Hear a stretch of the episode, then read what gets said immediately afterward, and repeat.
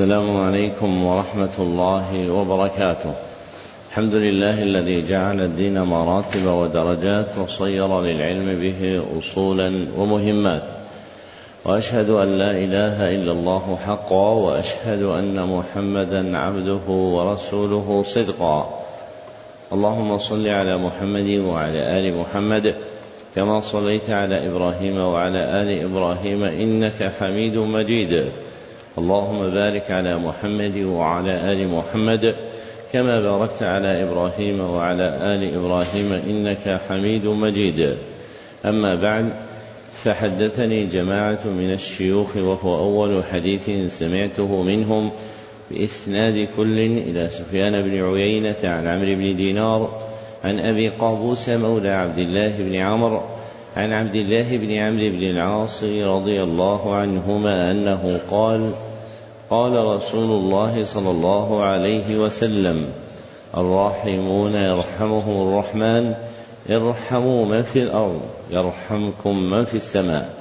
ومن اكد الرحمة رحمة المعلمين بالمتعلمين في تلقينهم أحكام الدين وترقيتهم في منازل اليقين. ومن طرائق رحمتهم إيقافهم على مهمات العلم بإقراء أصول المتون. وتبيين مقاصدها الكلية ومعانيها الإجمالية. ليستفتح بذلك المبتدئون ما ليستفتح بذلك المبتدئون تعلمهم ويجد فيه المتوسطون ما يذكرهم ويطلع منه المنتهون إلى تحقيق مسائل العلم. وهذا شرح الكتاب العاشر من برنامج مهمات العلم في سنته العاشرة أربعين وأربعمائة وألف. وهو كتاب المقدمة في أصول التفسير لشيخ الإسلام أحمد بن عبد الحليم بن عبد السلام ابن تيمية النميري الحراني رحمه الله المتوفى سنة ثمان وعشرين وسبعمائة. نعم. الحمد لله رب العالمين وصلى الله وسلم على نبينا محمد وعلى آله وصحبه أجمعين. اللهم اغفر لشيخنا ولوالديه ولمشايخه وللمسلمين أجمعين. وبإسنادكم حفظكم الله إلى شيخ الإسلام ابن تيمية رحمه الله أنه قال في رسالته مقدمة في أصول التفسير بسم الله الرحمن الرحيم. رب يسر وأعن برحمتك. الحمد لله نستعينه ونستغفره ونعوذ بالله من شرور, من شرور أنفسنا ومن سيئات أعمالنا. من يهده الله فلا مضل له ومن يضلل فلا هادي له وأشهد أن لا إله إلا الله وحده لا شريك له. وأشهد أن محمدا عبده ورسوله صلى الله عليه وسلم تسليما. أما بعد لقد سألني بعض الاخوان أن أكتب له مقدمة تتضمن قواعد كلية تعين على فهم القرآن ومعرفة تفسيره ومعانيه والتمييز في منقول ذلك ومعقوله بين الحق وأنواع الأباطيل والتنبيه على الدليل الفاصل بين الأقاويل فإن الكتب المصنفة بالتفسير مشحونة بالغث والسمين والباطل الواضح والحق المبين والعلم إما نقل مصدق عن معصوم وإما قول عليه دليل معلوم وما سوى هذا فإما مزيف مردود وإما موقوف لا يعلم أنه بهرج ولا منقود. وحاجة الأمة ماسة إلى فهم القرآن الذي هو حبل الله المتين والذكر الحكيم والصراط المستقيم الذي لا تزيغ به الأهواء ولا تلتبس به الألسن ولا يخلق على كثرة الترديد ولا تنقضي عجائبه ولا يشبع منه العلماء من قال به صدق ومن عمل به أجر ومن حكم به عدل ومن دعا إليه هدي إلى صراط مستقيم ومن تركه من جبار قصمه الله ومن ابتغى الهدى في غيره أضله الله قال تعالى فإما يأتينكم مني هدى فمن اتبع هداي فلا يضل ولا يشقى ومن أعرض عن ذكري فإن له معيشة ضنكا ونحشره يوم القيامة أعمى قال رب لم حشرتني أعمى وقد كنت بصيرا قال كذلك أتتك آياتنا فنسيتها وكذلك اليوم تنسى وقال تعالى قد جاءكم رسولنا يبين لكم كثيرا مما كنتم تخفون من الكتاب ويعفو عن كثير قد جاءكم من الله نور وكتاب مبين يهدي به الله من اتبع رضوانه سبل السلام ويخرجهم من الظلمات إلى النور بإذنه ويهديهم إلى صراط مستقيم. وقال تعالى ألف لام را. كتاب أنزلناه إليك لتخرج الناس من الظلمات إلى النور بإذن ربهم إلى صراط العزيز الحميد. الله الذي له ما في السماوات وما في الأرض. وقال تعالى وكذلك أوحينا إليك روحا من أمرنا ما كنت تدري ما الكتاب ولا الإيمان ولكن جعلناه نورا ولكن جعلناه نورا نهدي به من نشاء من عبادنا وإنك لتهدي إلى صراط مستقيم. صراط الله الذي له ما في السماوات وما في الأرض. ألا إلى الله تصير الأمور. وقد كتبت هذه المقدمة مختصرة بحسب تيسير الله تعالى من إملاء الفؤاد والله الهادي إلى سبيل الرشاد. ابتدأ المصنف رحمه الله كتابه بالبسملة ثم ثنى بالحمدلة ثم ثلث بالشهادة لله بالوحدانية ولمحمد صلى الله عليه وسلم بالعبودية والرسالة وقرن ذكره صلى الله عليه وسلم بالصلاة والسلام عليه وهؤلاء الأربع من آداب التصنيف اتفاقا فمن صنف كتابا استحب له أن يستفتحه بهن. ثم ذكر أن بعض إخوانه سأله أن يكتب له مقدمة تتضمن قواعد كلية تعين على فهم القرآن ومعرفة تفسيره ومعانيه والتمييز في منقول ذلك ومعقوله بين الحق وأنواع الأباطيل والتنبيه على الدليل الفاصل بين الأقاويل. وهذه القواعد متفق على كونها في التفسير ومختلف في حقيقتها. وهذه القواعد متفق على كونها في التفسير ومختلف في حقيقتها. فمن الناس من يسميها أصول التفسير. فمن الناس من يسميها أصول التفسير. ويجعل هذا الكتاب فيها. ويجعل هذا الكتاب فيها. وهو الاسم الذي اختاره ناشر الكتاب الأول من آل الشط وهو الذي اختاره ناشر الكتاب الأول من آل الشط.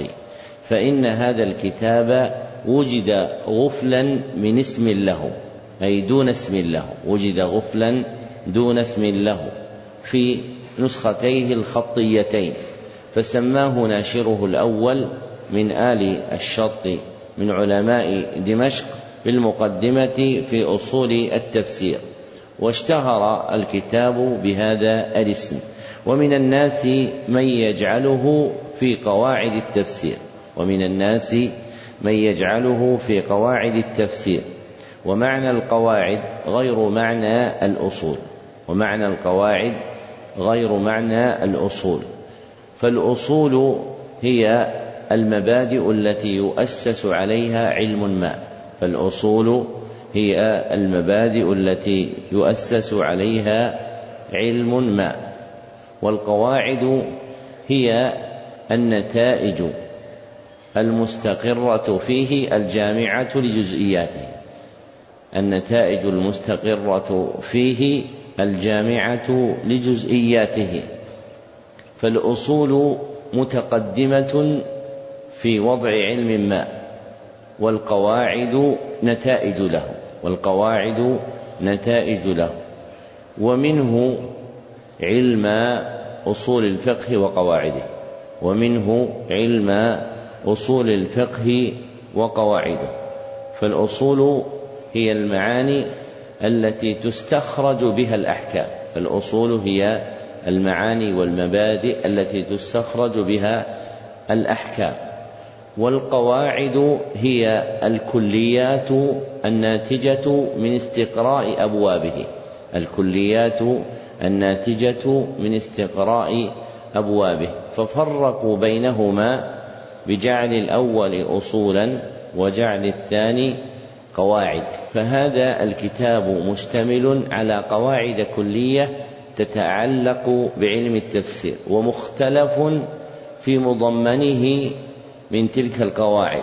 هل هو ما يرجع إلى أصول التفسير حقيقة أو ما يرجع إلى قواعد التفسير حقيقة؟ وهما أمران متقابلان. وفي الكتاب من كل شيء جذبة.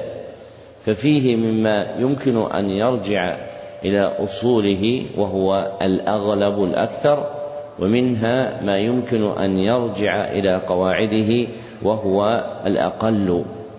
وموجب التماس من التمس من المصنف أن يكتب له هذه المقدمة في أصول التفسير هو المذكور في قوله فإن الكتب المصنفة في التفسير مشحونة بالغت والسمين والباطل الواضح والحق المبين فلا يتمكن مطالعها من الفصل بين غتها وسمينها وباطلها وحقها إلا بمعرفة قواعد كلية تفصل بين المتقابلات منهما وهذا من منافع القواعد فإنها تميز بين المتقابلات المختلفة فعند إعمالها يتميز أي الطرفين يكون حقا وأيهما يكون باطلا؟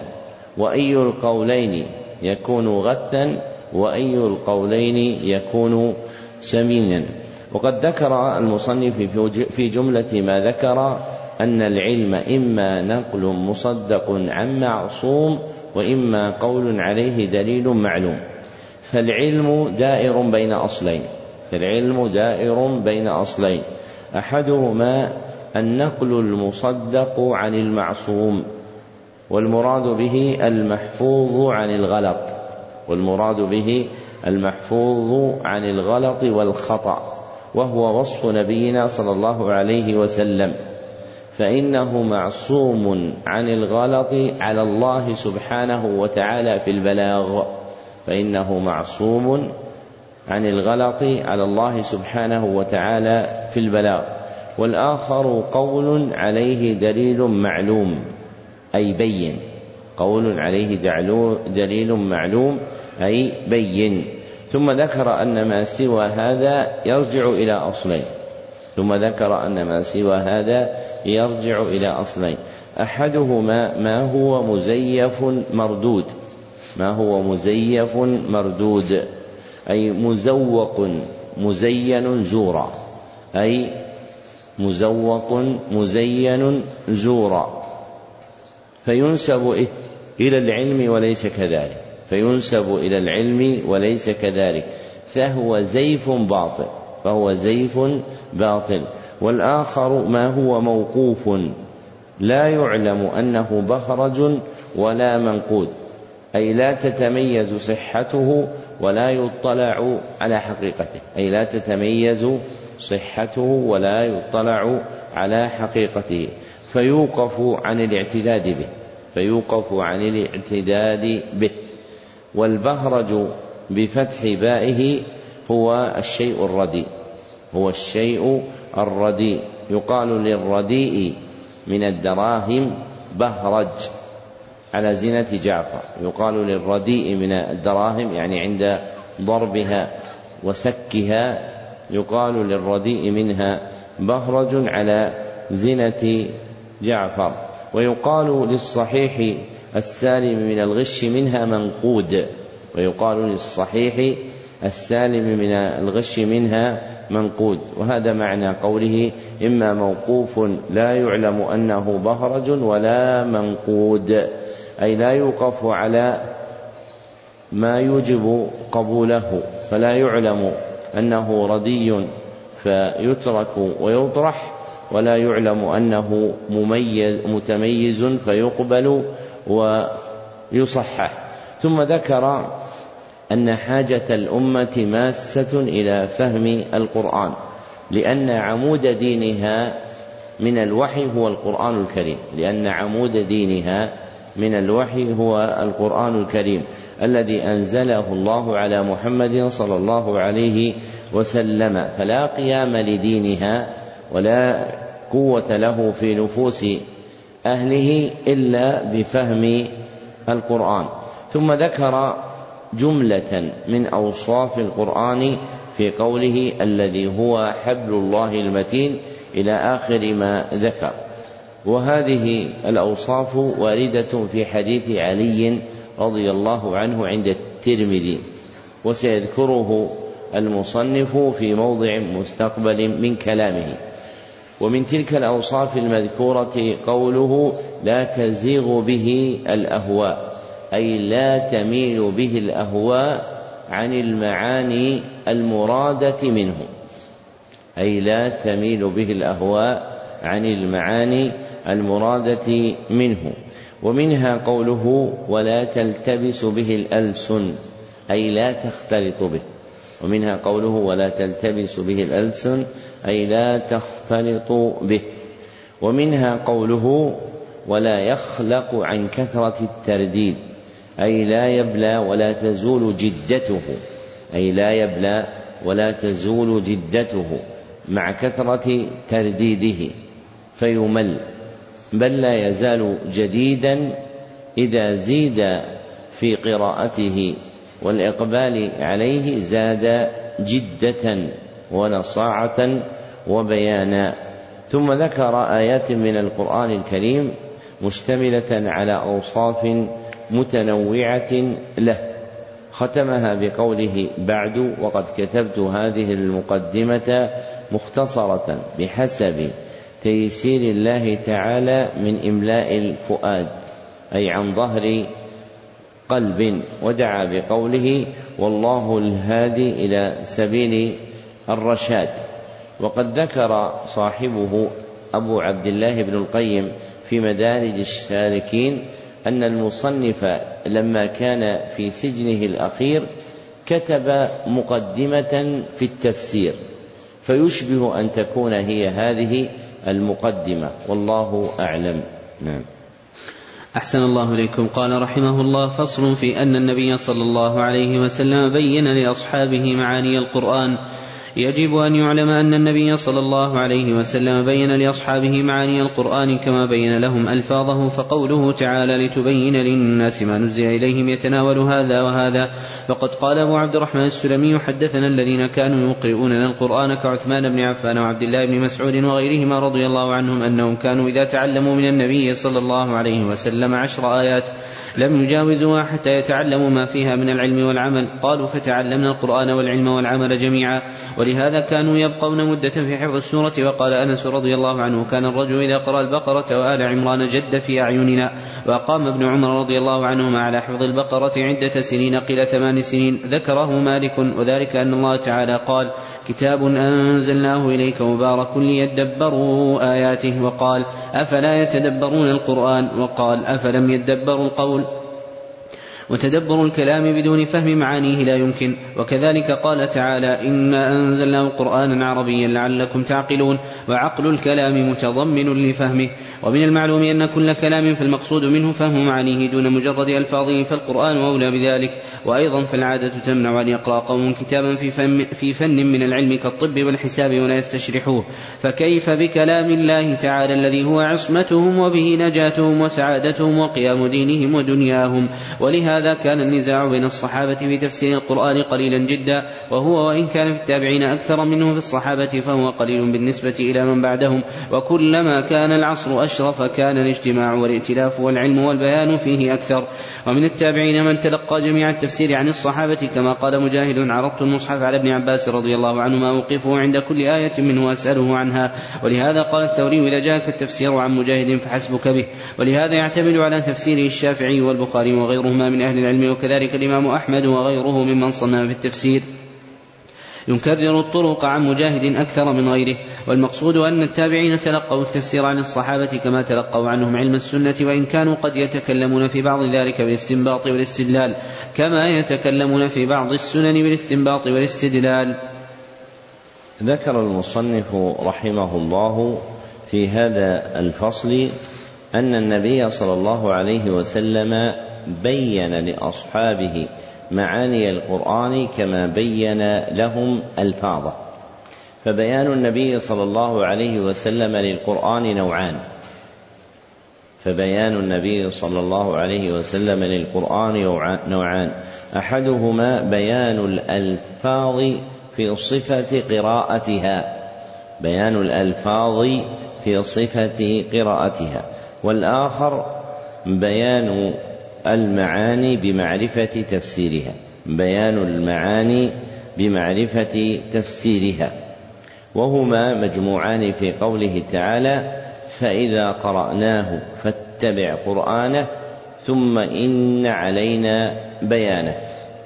فأمر النبي صلى الله عليه وسلم إذا لقنه جبريل عليه الصلاة والسلام القرآن أن يقرأ بقراءته. ثم تكفل الله سبحانه وتعالى له ببيانه. وهذا البيان المتكفل ينتظم فيه الألفاظ والمباني والمقاصد والمعاني. وهذا البيان المتكفل ينتظم فيه الألفاظ والمباني والمقاصد والمعاني. فيتهيأ للنبي صلى الله عليه وسلم عند أخذه القرآن أن يتلقاه على وجه صحيح قراءة وأن يتكفل له ببيان معانيه. وتلقى الصحابة رضي الله عنهم عن النبي صلى الله عليه وسلم القرآن هكذا مبينا في لفظه ومبناه ومبينا في قصده ومعناه. وتلقى الصحابة رضي الله عنهم القرآن عن النبي صلى الله عليه وسلم هكذا مبينا في لفظه ومبناه ومبينا في قصده ومعناه. وبيان النبي صلى الله عليه وسلم معاني القرآن نوعان. وبيان النبي صلى الله عليه وسلم معاني القرآن نوعان. أحدهما البيان الخاص البيان الخاص وهو بيانه صلى الله عليه وسلم ألفاظا معينة وهو بيانه صلى الله عليه وسلم ألفاظا معينة. كبيانه صلى الله عليه وسلم معنى غير المغضوب عليهم ولا الضالين. أنه قال غير المغضوب عليهم اليهود والضالين النصارى. رواه الترمذي وإسناده حسن. والآخر البيان العام. وهو يتناول كل بيان منه صلى الله عليه وسلم لما جاء في القرآن. بقوله أو فعله أو تقريره وهو يتناول كل بيان منه صلى الله عليه وسلم لما جاء في القرآن بقوله أو فعله أو تقريره. فيبين النبي صلى الله عليه وسلم تارة بقوله وتارة بفعله وتارة بتقريره معنى شيء وارد في القرآن الكريم فيكون هذا البيان العام إيضاحا لمعنى القرآن وبهذا التقرير يعلم جواب سؤال شهير وهو هل فسر النبي صلى الله عليه وسلم القرآن كله أم لا؟ هل فسر النبي صلى الله عليه وسلم القرآن كله أم لا وجوابه أنه إن أريد به البيان الخاص فلم يقع منه صلى الله عليه وسلم بيان مفصل لأفراد الألفاظ لفظا لفظا. أنه إذا أريد به البيان الخاص فلم يقع منه صلى الله عليه وسلم بيان الألفاظ مفصلا لفظا لفظا على وجه التعيين. فالمروي في ذلك عن النبي صلى الله عليه وسلم قليل.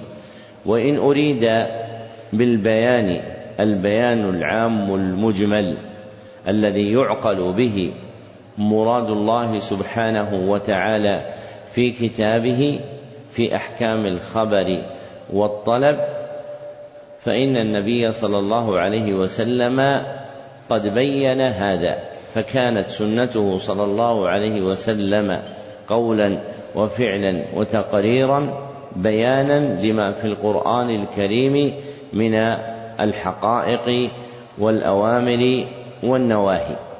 وكان الصحابة رضي الله عنهم يأخذون القرآن عن النبي صلى الله عليه وسلم جامعين بين بيان الألفاظ والمباني وبيان المقاصد والمعاني. وكان الصحابة رضي الله عنهم يأخذون القرآن عن النبي صلى الله عليه وسلم جامعين بين بيان الألفاظ والمباني وبيان المقاصد والمعاني. كما قال أبو عبد الرحمن السلمي رحمه الله وهو أحد كبار التابعين حدثنا من كانوا يقرؤوننا من أصحاب النبي صلى الله عليه وسلم أنهم كانوا يقترئون عشر آيات أي يتلقون عشر آيات فلا يأخذون في العشر الأخرى أي لا يشرعون فلا يأخذون في العشر الأخرى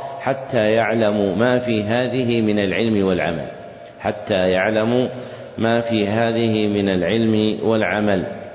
قالوا فتعلمنا العلم والعمل جميعا. قالوا فتعلمنا العلم والعمل جميعا. رواه ابن جرير الطبري وغيره وإسناده صحيح. رواه ابن جرير الطبري وغيره وإسناده صحيح.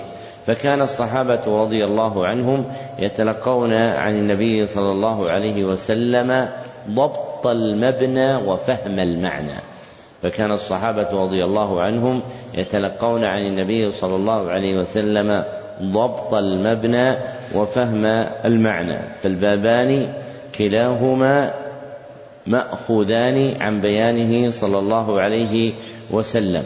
وكانوا يعظمون أخذ القرآن على هذه الصفة كما قال أنس بن مالك رضي الله عنه كان الرجل إذا قرأ البقرة وآل عمران جد في أعيننا. كان الرجل إذا قرأ البقرة وآل عمران جد في أعيننا. رواه أحمد وإسناده صحيح وأصله في صحيح مسلم. ومعنى قوله جد في أعيننا أي جل وعظم أي جل وعظم. فالقرآن يؤخذ بضبط ألفاظه فالقرآن يؤخذ بضبط ألفاظه بقراءتها على وجه صحيح ويؤخذ أيضا بفهم معانيه. فكان حفظ القرآن عند الصحابة مجموعا فيه ضبط الألفاظ والمباني وفهم المقاصد والمعاني. فرجع ذلك على نفوسهم بالعلم والإيمان. فرجع ذلك على نفوسهم بالعلم والإيمان. إذ المقصود من القرآن هو فهم معانيه مع ضبط مبانيه. إذ المقصود من القرآن هو فهم معانيه مع ضبط مبانيه. فليس أحدهما مقصودا دون الآخر. فليس أحدهما مقصودا دون الآخر. والأمة مأمورة بضبط الألفاظ القرآنية حفظا والأمة مأمورة بضبط الألفاظ القرآنية حفظا وبإتقان معانيها فهما وبإتقان معانيها فهما. وقد ذكر المصنف رحمه الله أن ابن عمر أقام على حفظ البقرة بضع سنين وقيل ثمان سنين. وقد عزاه إلى موطأ مالك وهو عنده بلاغ أنه قال بلغني أن ابن عمر رضي الله عنه حفظ حفظ البقرة في بضع سنين وقيل ثمان سنين والأصل في البلاغات ضعفها لانقطاعها والأصل في البلاغات ضعفها لانقطاعها فإذا قال راو ما بلغني كذا وكذا فإن هذا البلاغ منقطع الإسناد. ومالك رحمه الله لم يدرك ابن عمر فهو منقطع بينهما. واختار ابن القيم في زاد المعاد اختصاص بلاغات الإمام مالك عن ابن عمر بالصحة اختصاص بلاغات الإمام مالك عن ابن عمر بالصحة لأنه أخذ علم ابن عمر عن كبار أهل المدينة ورأسهم نافع مولى ابن عمر لأنه أخذ علم ابن عمر عن كبار أهل المدينة ورأسهم نافع مولى ابن عمر. فما كان من هذا الباب فهو صحيح. فإذا وقع في موطأ مالك أنه قال بلغني عن ابن عمر أنه قال كذا وكذا أو فعل كذا وكذا فهو وفق ما اختاره ابن القيم صحيح. وهذا الذي ذكره ابن القيم مأخذ قوي لا يفهمه إلا من كان محدثا بالنفس أي قد طبعت نفسه في علم الحديث فصارت له ملكة راسخة فيه. فإن أهله يتصرفون بمثل هذا الوجه في مواضع عدة. يقطعون في إسناد ما بأن فلانا لم يسمع من فلان ثم يقولون بصحته لأنه قام لديهم من قرائن الأحوال ما يجعل ذلك المروي في دائر الصحة وإن كان منقطعا. لأنه قام لديهم من قرائن الأحوال ما يشهد بصحة ذلك المروي وإن كان منقطعا كالعلم بأن هذا الراوي الذي لم يدرك سابقه استوعب علمه عمن لقيه من أصحابه كالمذكور في ترجمة إبراهيم النخعي. أن مرويه عن ابن مسعود بقوله قال ابن مسعود فإنه أخذه عن أصحابه الكبار كعلقمة ابن قيس ومسروق بن الأجدع وعبد الرحمن ابن يزيد وجماعة آخرين وهؤلاء كلهم من رؤوس الثقات وهم كما وصفهم ابن القيم سرج الكوفة أي كانوا بمنزلة الأنوار التي تضيء الكوفة علما ودينا وبيانا وإرشادا وهداية وإصلاحا. فعند المحدث بالنفس يكون هذا من جنس الصحيح وإن كان منقطعا. ومنه قال ابن القيم ما قال في بلاغات مالك عن ابن عمر أنها مما يندرج في حيز الصحة. وقد روي عن ابن عمر بإسناد صحيح عند ابن سعد في الطبقات أنه حفظ البقرة في أربع سنين وقد روي عن ابن عمر عند ابن سعد في الطبقات في إسناد صحيح أنه حفظ البقرة في أربع سنين. فإذا صحت الروايات فإذا صحت الروايتان جميعا أمكن الجمع بينهم. فإذا صحت الروايتان جميعا أمكن الجمع بينهما بأن ابن عمر حصل له حفظ سورة البقرة بلا إتقان في أربع سنين. حصل له حفظ سورة البقرة بلا إتقان في أربع سنين. ثم استكملها على وجه متقن في ضبط المبنى وفهم المعنى في ثمان سنين. ثم استكملها على وجه متقن في ضبط المبنى وفهم المعنى في ثمان سنين. فكان حفظه مقرونا فيه بين ضبط المباني وفهم المعاني.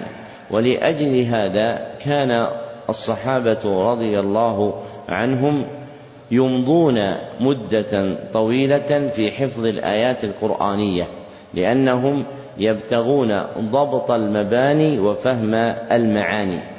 فلم تكن ملكات الحفظ لديهم ناقصة فإن ملكة الحفظ في الأوائل أقوى لما احتف بهم من الأحوال في قلة الشواغل وعدم المنازع وقوة الفطرة وسلامة الجبلة التي بلغ بها صدر هذه الأمة ما بلغوا من الحفظ. ولكنهم كانوا يقرنون بضبط المبنى فهم المعنى فيجمعون بين هذا وهذا والجمع بينهما يحتاج إلى مدة أطول من الاقتصار على ضبط المبنى فقط.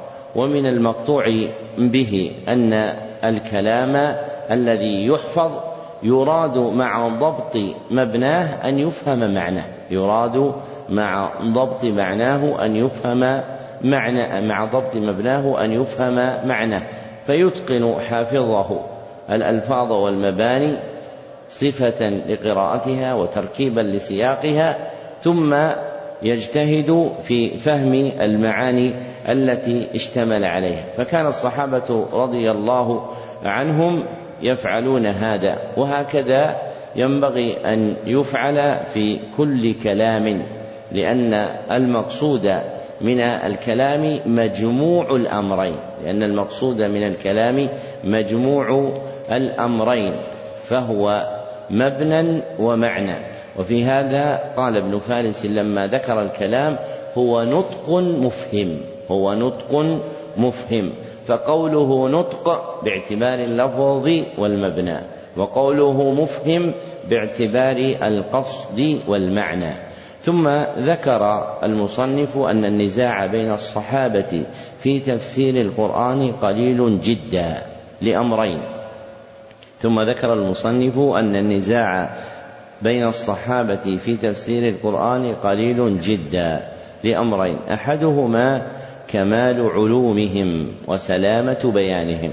كلام كمال علومهم وسلامة بيانهم. إذ القرآن عربي وهم عرب خلص. إذ القرآن عربي وهم عرب خلص. والآخر وحدة الجماعة وقلة الأهواء. وحدة الجماعة وقلة الأهواء وعدم التفرق. وإليهما أشار المصنف في قوله وكلما كان العصر أشرف كان الاجتماع والائتلاف والعلم والبيان فيه أكثر. ثم ذكر المصنف أن التابعين تلقوا التفسير عن الصحابة رضي الله عنهم ومنهم من تلقى جميع التفسير. كما قال مجاهد رحمه الله لقد عرضت القرآن على ابن عباس رضي الله عنه ثلاث عرضات. أقف عند كل آية أسأله فيما أنزلت وفيما كانت. عرضت القرآن على ابن عباس ثلاث عرضات. أقف عند كل آية أسأله فيما أنزلت وفيما كانت. رواه الدارمي. فقوله فيما أنزلت يعني سبب نزولها. وقوله فيما كانت يعني تفسيرها ومعناها. وجاء قريبا منه عن أبي الجوزاء. ربعي بن أوس رحمه الله وهو أحد التابعين أيضا أنه قال جاورت ابن عباس رضي الله عنهما في داره اثنتي عشرة سنة. جاورت ابن عباس رضي الله عنهما في داره اثنتي عشرة سنة. ما في القرآن آية إلا وقد سألته عنها. ما في القرآن آية إلا وقد سألته عنها. رواه ابن سعد في طبقاته وإسناده لا بأس به. رواه ابن سعد في طبقاته وإسناده لا بأس به. والمقصود أن التابعين تلقوا التفسير عن الصحابة كما أن الصحابة تلقوا التفسير عن النبي صلى الله عليه وسلم. وقد يتكلم التابعون في شيء من معاني القرآن بالاستنباط والاستدلال وقد يتكلم التابعون في شيء من معاني القرآن بالاستنباط والاستدلال زيادة على ما أخذوه عن الصحابة زيادة على ما أخذوه عن الصحابة مما هو منقول في كتب التفسير مما هو منقول في كتب التفسير كما وقعت زيادتهم على الصحابة في الكلام في الأحكام. كما وقعت زيادتهم على الصحابة في الكلام على الأحكام على وجه الاستدلال والاستنباط على وجه الاستدلال والاستنباط. وهذا الطريق الكلي في أخذ القرآن الذي تلقى به الصحابة ثم تلقى به التابعون وهو الجمع بين ضبط الألفاظ والمباني وفهم المقاصد والمعاني هو السبيل الأوفق لأخذ القرآن في قرون الأمة كلها. فمن رام أن ينتفع بأخذه القرآن فإنه ينبغي أن يرعى الأمرين فيكون له حظ من هذا وحظ من هذا فإنه في أخذه الألفاظ والمباني ينبغي أن يتلقى عن متقن للقراءة يقرأ القرآن قراءة صحيحة. ولا تبرأ ذمته بأن يقرأ في المصحف دون تلقي القرآن عن عارف به. فإن قراءة القرآن تؤخذ تلقيا لاختصاصها بأحكام تنفرد بها عن سائر الكلام. وكذلك ينبغي له أن يعتني بفهم ما يأخذه من القرآن لفظا ومبنى فيطلب حقيقة هذه الآيات التي يتحفظها بأن يعرف من طوى فيها من المقاصد والمعاني. والجمع بين هذين الأمرين هو الذي يثمر العلم والإيمان والإخبات والخشوع والخشية فتقر ألفاظ القرآن في القلب مع شهود معانيها. فتقر ألفاظ القرآن في القلب مع شهود معانيها. أما قرارها في القلب دون شهود المعاني فهذا ضعف في الأخذ. فهذا ضعف في الأخذ. إذ يقتصر الآخذ حينئذ على كونه متقنا لفظ القرآن فقط. فإذا سمي حافظا فهو حافظ للألفاظ والمباني. وأما جمع حفظ المقاصد والمعاني فإنه بمنأ عنه. وقد ذكر المصنف رحمه الله في جملة كلامه الآيات المشتملة على الحض على تدبر القرآن. وقد ذكر المصنف رحمه الله في جملة كلامه الآيات المشتملة على الحض على تدبر القرآن. ونبه إلى أن تدبر القرآن معرفة موقوف على معرفة تفسيره. ونبه أن تدبر القرآن موقوف على معرفة تفسيره. فلا يمكن العبد تدبر القرآن إلا بأن يكون عارفا بتفسير ما يتدبر. فلا يمكن للعبد أن يتدبر القرآن إلا بمعرفة تفسير ما يتدبره. فالمراد بالتدبر هو الوصول إلى غايات الخطاب القرآني. فالمقصود بالتدبر هو الوصول إلى غايات الخطاب القرآني في الخبر والطلب. في الخبر والطلب. ومقدمة ذلك معرفة تفسيره. ومقدمة ذلك معرفة تفسيره. فالتدبر نهاية والتفسير بداية. فالتدبر نهاية والتفسير بداية. إذ حقيقة التدبر تفعل من بلوغ دبر الشيء. إذ حقيقة التدبر تفعل من بلوغ دبر الشيء. أي وصول إلى غايته. أي وصول إلى غايته. ومن لم يعرف مبتدأ هذه الغاية ومن لم يعرف مبتدأ هذه الغاية لم يصل إليها ومن لم يعرف مبتدأ هذه الغاية لم يصل إليها ومن هنا قال المصنف ولا يمكن تدبر القرآن إلا بمعرفة تفسيره. ولا يمكن تدبر القرآن إلا بمعرفة تفسيره. والشائع على ألسنة الناس مما يسمونه تدبرا أكثره لا يندرج في هذا الباب. فإن التدبر هو الوصول إلى غايات الخطاب القرآني في الخبر والطلب بالامتثال لا ما يجري في الخواطر من المعاني. فهذه الخواطر التي تجري في المعاني فهذه الخواطر التي تجري في معاني القرآن هي من جنس ما يسمى بالتفسير الإشاري. هي من جنس ما يسمى بالتفسير الإشاري. وهو تفسير دقيق المأخذ. فيه حق وفيه باطل. والمختار من أقوال أهل العلم صحة التفسير الإشاري بشروط معروفة ذكرها ابن القيم رحمه الله. فمن أراد أن ينفق قوته وعمره في تدبر القرآن فهو يحتاج إلى معرفة تفسيره. فإذا احتاج فإذا عرف تفسيره بلغ بغيته من تدبره.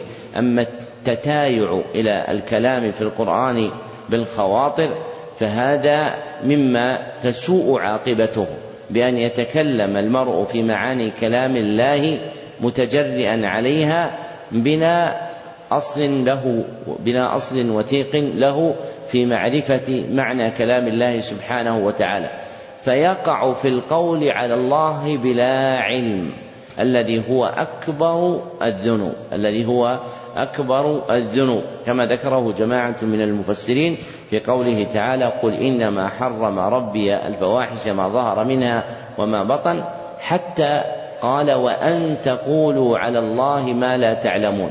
فختمت تلك المحرمات الخمس المتفق عليها بين الأنبياء بالقول على الله بلا علم لأنه أصل كل شر.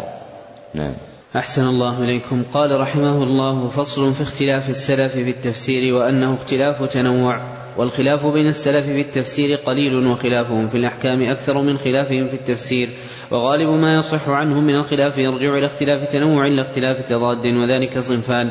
أحدهما أن يعبر كل واحد منهم عن المراد بعبارة غير عبارة صاحبه تدل على معنى في المسمى غير المعنى الآخر مع اتحاد المسمى بمنزلة الأسماء المتكافئة التي بين المترادفة والمتباينة. كما قيل في اسم السيف الصارم والمهند وذلك مثل أسماء الله الحسنى وأسماء رسول الله صلى الله عليه وسلم وأسماء القرآن فإن أسماء الله كلها تدل على مسمى واحد. فليس دعاؤه باسم من أسمائه الحسنى مضادا لدعائه باسم آخر بل إن الأمر كما قال تعالى قل ادعوا الله أو ادعوا الرحمن أيما تدعوا فله الأسماء الحسنى وكل اسم من أسمائه يدل على الذات المسماة وعلى الصفة التي تضمنها الاسم كالعليم يدل على الذات والعلم والقدير يدل على الذات والقدرة والرحيم يدل على الذات والرحمة ومن أنكر دلالة أسمائه على صفاته ممن يدعي الظاهر فقوله من جنس قول غلاة الباطنية القرامطة الذين يقولون لا يقال هو حي ولا ليس بحي بل ينفون عنه النقيضين فإن أولئك القرامطة الباطنية لا ينكرون اسما هو علم محض كالمضمرات. وإنما ينكرون ما في أسمائه الحسنى من صفات الإثبات فمن وافقهم على مقصودهم كان مع دعواه الغلو في الظاهر موافقا لغلاة الباطنية في ذلك وليس هذا موضع بسط ذلك. وإنما المقصود أن كل اسم من أسمائه يدل على ذاته وعلى ما في الاسم من صفاته ويدل أيضا على الصفة التي في الاسم الآخر بطريق اللزوم. وكذلك أسماء النبي صلى الله عليه وسلم مثل محمد وأحمد والماحي والحاشر والعاقب وكذلك أسماء القرآن مثل القرآن والفرقان والهدى والشفاء والبيان والكتاب وأمثال ذلك. فإذا كان مقصود السائل تعيين المسمى عبرنا عنه بأي اسم كان إذا عرف مسمى هذا الاسم وقد يكون الاسم علما وقد يكون صفة. كمن يسأل عن قوله ومن أعرض عن ذكري ما ذكره فيقال له هو القرآن مثلا أو ما أنزله من الكتب فإن الذكر مصدر والمصدر تارة يضاف إلى الفاعل وتارة إلى المفعول. فإذا قيل ذكر الله بالمعنى الثاني كان ما يذكر به مثل قول العبد سبحان الله والحمد لله ولا إله إلا الله والله أكبر. وإذا قيل بالمعنى الأول كان ما يذكره هو, هو وهو كلامه وهذا هو المراد في قوله ومن أعرض عن ذكري لأنه قال قبل ذلك فإما يأتينكم مني هدى فمن اتبع هداي فلا يضل ولا يشقى. وهداه هو ما أنزله من الذكر وقال بعد ذلك قال رب لم حشرتني أعمى وقد كنت بصيرا. قال كذلك أتتك آياتنا فنسيتها. والمقصود أن يعرف أن الذكر هو كلامه المنزل أو هو ذكر العبد له فسواء قيل ذكري كتابي أو كلامي أو هدايا أو نحو ذلك فإن المسمى واحد. وإن كان مقصود السائل معرفة ما في الاسم من الصفة المختصة به فلا بد من قدر زائد على تعيين المسمى. مثل أن يسأل عن القدوس السلام المؤمن وقد علم أنه الله لكن مراده ما معنى كونه قدوسا سلاما مؤمنا ونحو ذلك. إذا عرف هذا فالسلف كثيرا ما يعبرون عن المسمى بعبارة تدل على عينه وإن كان فيها من الصفة ما ليس في الاسم الآخر. كمن يقول أحمد هو الحاشر والماحي والعاقب والقدوس هو الغفور الرحيم. أي أن المسمى واحد لأن هذه الصفة هي هذه الصفة ومعلوم أن هذا ليس اختلاف تضاد كما يظنه بعض الناس. مثال ذلك تفسيره من الصراط المستقيم فقال بعضهم هو القرآن واتباعه لقول النبي صلى الله عليه وسلم في حديث علي رضي الله عنه الذي رواه الترمذي ورواه أبو نعيم من طرق متعددة هو حبل الله المتين والذكر الحكيم وهو الصراط المستقيم. وقال بعضهم هو الإسلام لقوله صلى الله عليه وسلم في حديث النواس بن سمعان رضي الله عنه الذي رواه الترمذي وغيره ضرب الله مثلا صراطا مستقيما وعلى جنبتي الصراط سوران وفي السورين أبواب مفتحة وعلى الأبواب ستور مرخاة وداع يدعو من فوق الصراط وداع يدعو على رأس الصراط قال فالصراط المستقيم هو الإسلام والسوران حدود الله والأبواب المفتحة محارم الله والداعي على رأس الصراط كتاب الله والداعي فوق الصراط واعظ الله في قلب كل مؤمن فهذان القولان متفقان لأن دين الإسلام هو اتباع القرآن ولكن كل منهما نبه على وصف غير الوصف الآخر كما أن لفظ الصراط يشعر بوصف ثالث وكذلك قول من قال هو السنة والجماعة وقول من قال هو طريق العبودية وقول من قال هو طاعة الله ورسوله صلى الله عليه وسلم وأمثال ذلك. فهؤلاء كلهم أشاروا إلى ذات واحدة لكن وصفها كل منهم بصفة من صفاتها. بعد أن بين المصنف رحمه الله وقوع الاختلاف في تفسير القرآن بين الصحابة والتابعين وحقق قلته فيما مضى مما ذكره من حالهم أخبر أن الاختلاف الواقع بينهم عامته اختلاف تنوع لا اختلاف تضاد. أخبر أن الخلاف الواقع بينهم عامته اختلاف تنوع لا اختلاف تضاد. والفرق بينهما أن اختلاف التنوع هو الذي تصح فيه الأقوال المذكورة كلها.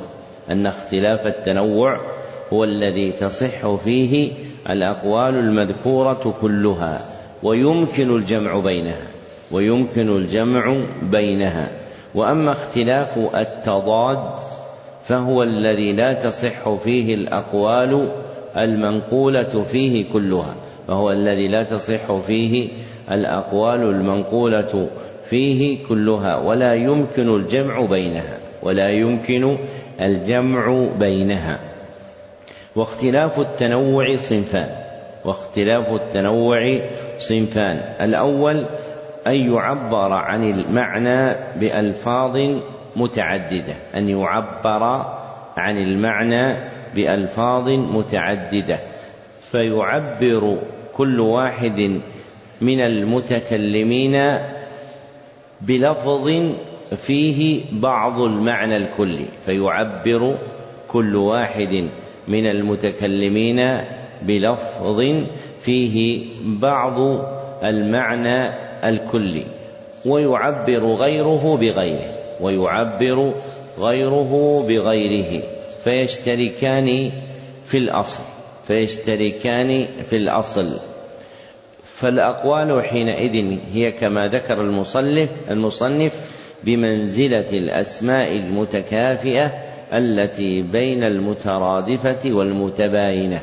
فالأقوال حينئذ هي كما ذكر المصنف بمنزلة الأسماء المتكافئة التي بين المترادفة والمتباينة والمراد بالأسماء المتكافئة ما اتحدت فيها الذات واختلفت فيها الصفات ما اتحدت فيها الذات واختلفت فيها الصفات. فتكون الذات المخبر عنها ذاتا واحدة. فتكون الذات المخبر عنها ذاتا واحدة. وتكون الصفات الموجودة في اسم تختلف عما يوجد في الاسم الآخر. وتكون الصفات الموجودة في اسم تختلف عما يوجد في الاسم الآخر. ومما يندرج في هذا الباب أسماء الله الحسنى. ومما يندرج في هذا الباب أسماء الله الحسنى وكذلك أسماء رسوله صلى الله عليه وسلم وأسماء القرآن فإنها ترجع إلى ذات واحدة وفي كل اسم من المعنى ما ليس في الاسم الآخر وفي كل اسم من المعنى ما ليس في الاسم الآخر فكل اسم من أسماء الله تعالى وأسماء رسوله صلى الله عليه وسلم أو أسماء القرآن فيه معنى يختص به. فإذا وجد اسم آخر له ففي الاسم الآخر من المعنى ما ليس في الأول ولو قدر اشتراكهما في أصل كلي ولو قدر اشتراكهما في أصل كلي. وهذا الصنف له ثلاثة أقسام.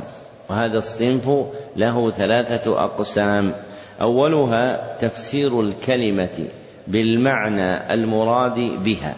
تفسير الكلمة بالمعنى المراد بها. مما وضعت له شرعا أو لغة. مما وضعت له شرعا أو لغة. وثانيها تفسير الكلمة بالمعنى الذي تضمنته. تفسير الكلمة بالمعنى الذي تضمنته. والثالث تفسير الكلمة بمعنى من المعاني الثابتة بطريق اللزوم. تفسير الكلمة بمعنى من المعاني الثابتة بطريق اللزوم. كالذي ذكره المصنف في تفسيرهم الصراط المستقيم كالذي ذكره المصنف في تفسيرهم الصراط المستقيم. فمن قال هو الإسلام فقد فسر الكلمة بالمعنى المراد بها. فقد فسر الكلمة بالمعنى المراد بها. فالصراط يطلق ويراد به دين الإسلام. ثبت هذا في حديث النواس بن سمعان عند أحمد بإسناد حسن وهو عند الترمذي وابن ماجه بإسناد آخر ضعيف. ومن قال هو طريق العبودية فهذا تفسير للكلمة بالمعنى الذي تضمنته. فهذا تفسير للكلمة بالمعنى الذي تضمنته. فمن دان لله بالإسلام فهو سالك طريق عبودية الله.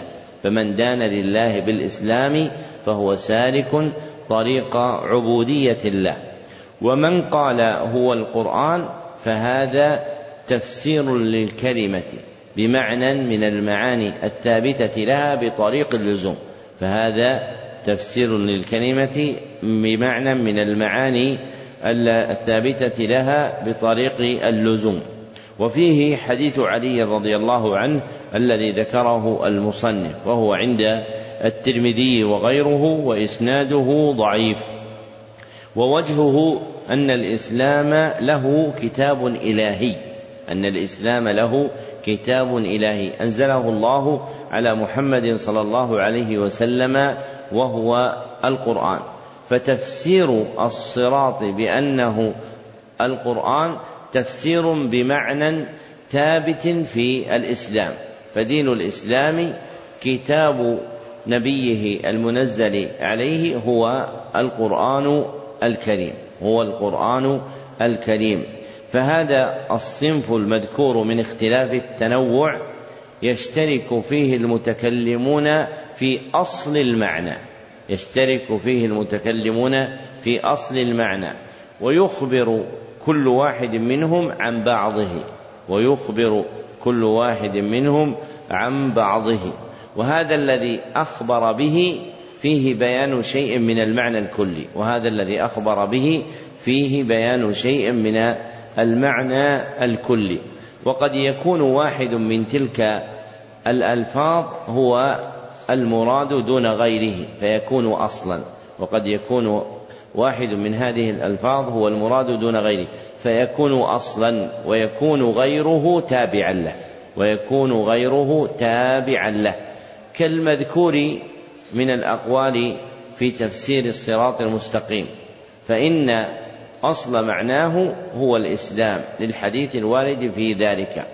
وما ذكر من معان أخرى ككونه طريق العبودية أو القرآن أو اتباع النبي صلى الله عليه وسلم فهذه المعاني كلها فروع ترجع إلى ذلك الأصل. فدين الإسلام هو طريق العبودية والقرآن هو الكتاب المنزل على نبيه صلى الله عليه وسلم واتباع الرسول صلى الله عليه وسلم شرط في إيمان العبد. نعم. أحسن الله إليكم. قال رحمه الله تعالى الصنف الثاني أن يذكر كل منهم من الاسم العام بعض أنواعه على سبيل التمثيل وتنبيه المستمع على النوع لا على سبيل الحد المطابق للمحدود في عمومه وخصوصه. مثل سائل أعجمي سأل عن مسمى لفظ الخبز فأري رغيفا وقيل هذا فالإشارة إلى نوع هذا لا إلى هذا الرغيف وحده. مثال ذلك ما نقل في قوله تعالى ثم أورثنا الكتاب الذين اصطفينا من عبادنا فمنهم ظالم لنفسه ومنهم مقتصد ومنهم سابق بالخيرات. فمعلوم أن الظالم لنفسه يتناول المضيع للواجبات والمنتهك للمحرمات والمقتصد يتناول فاعل الواجبات وتارك المحرمات والسابق يدخل فيه من سبق فتقرى بالحسنات مع الواجبات.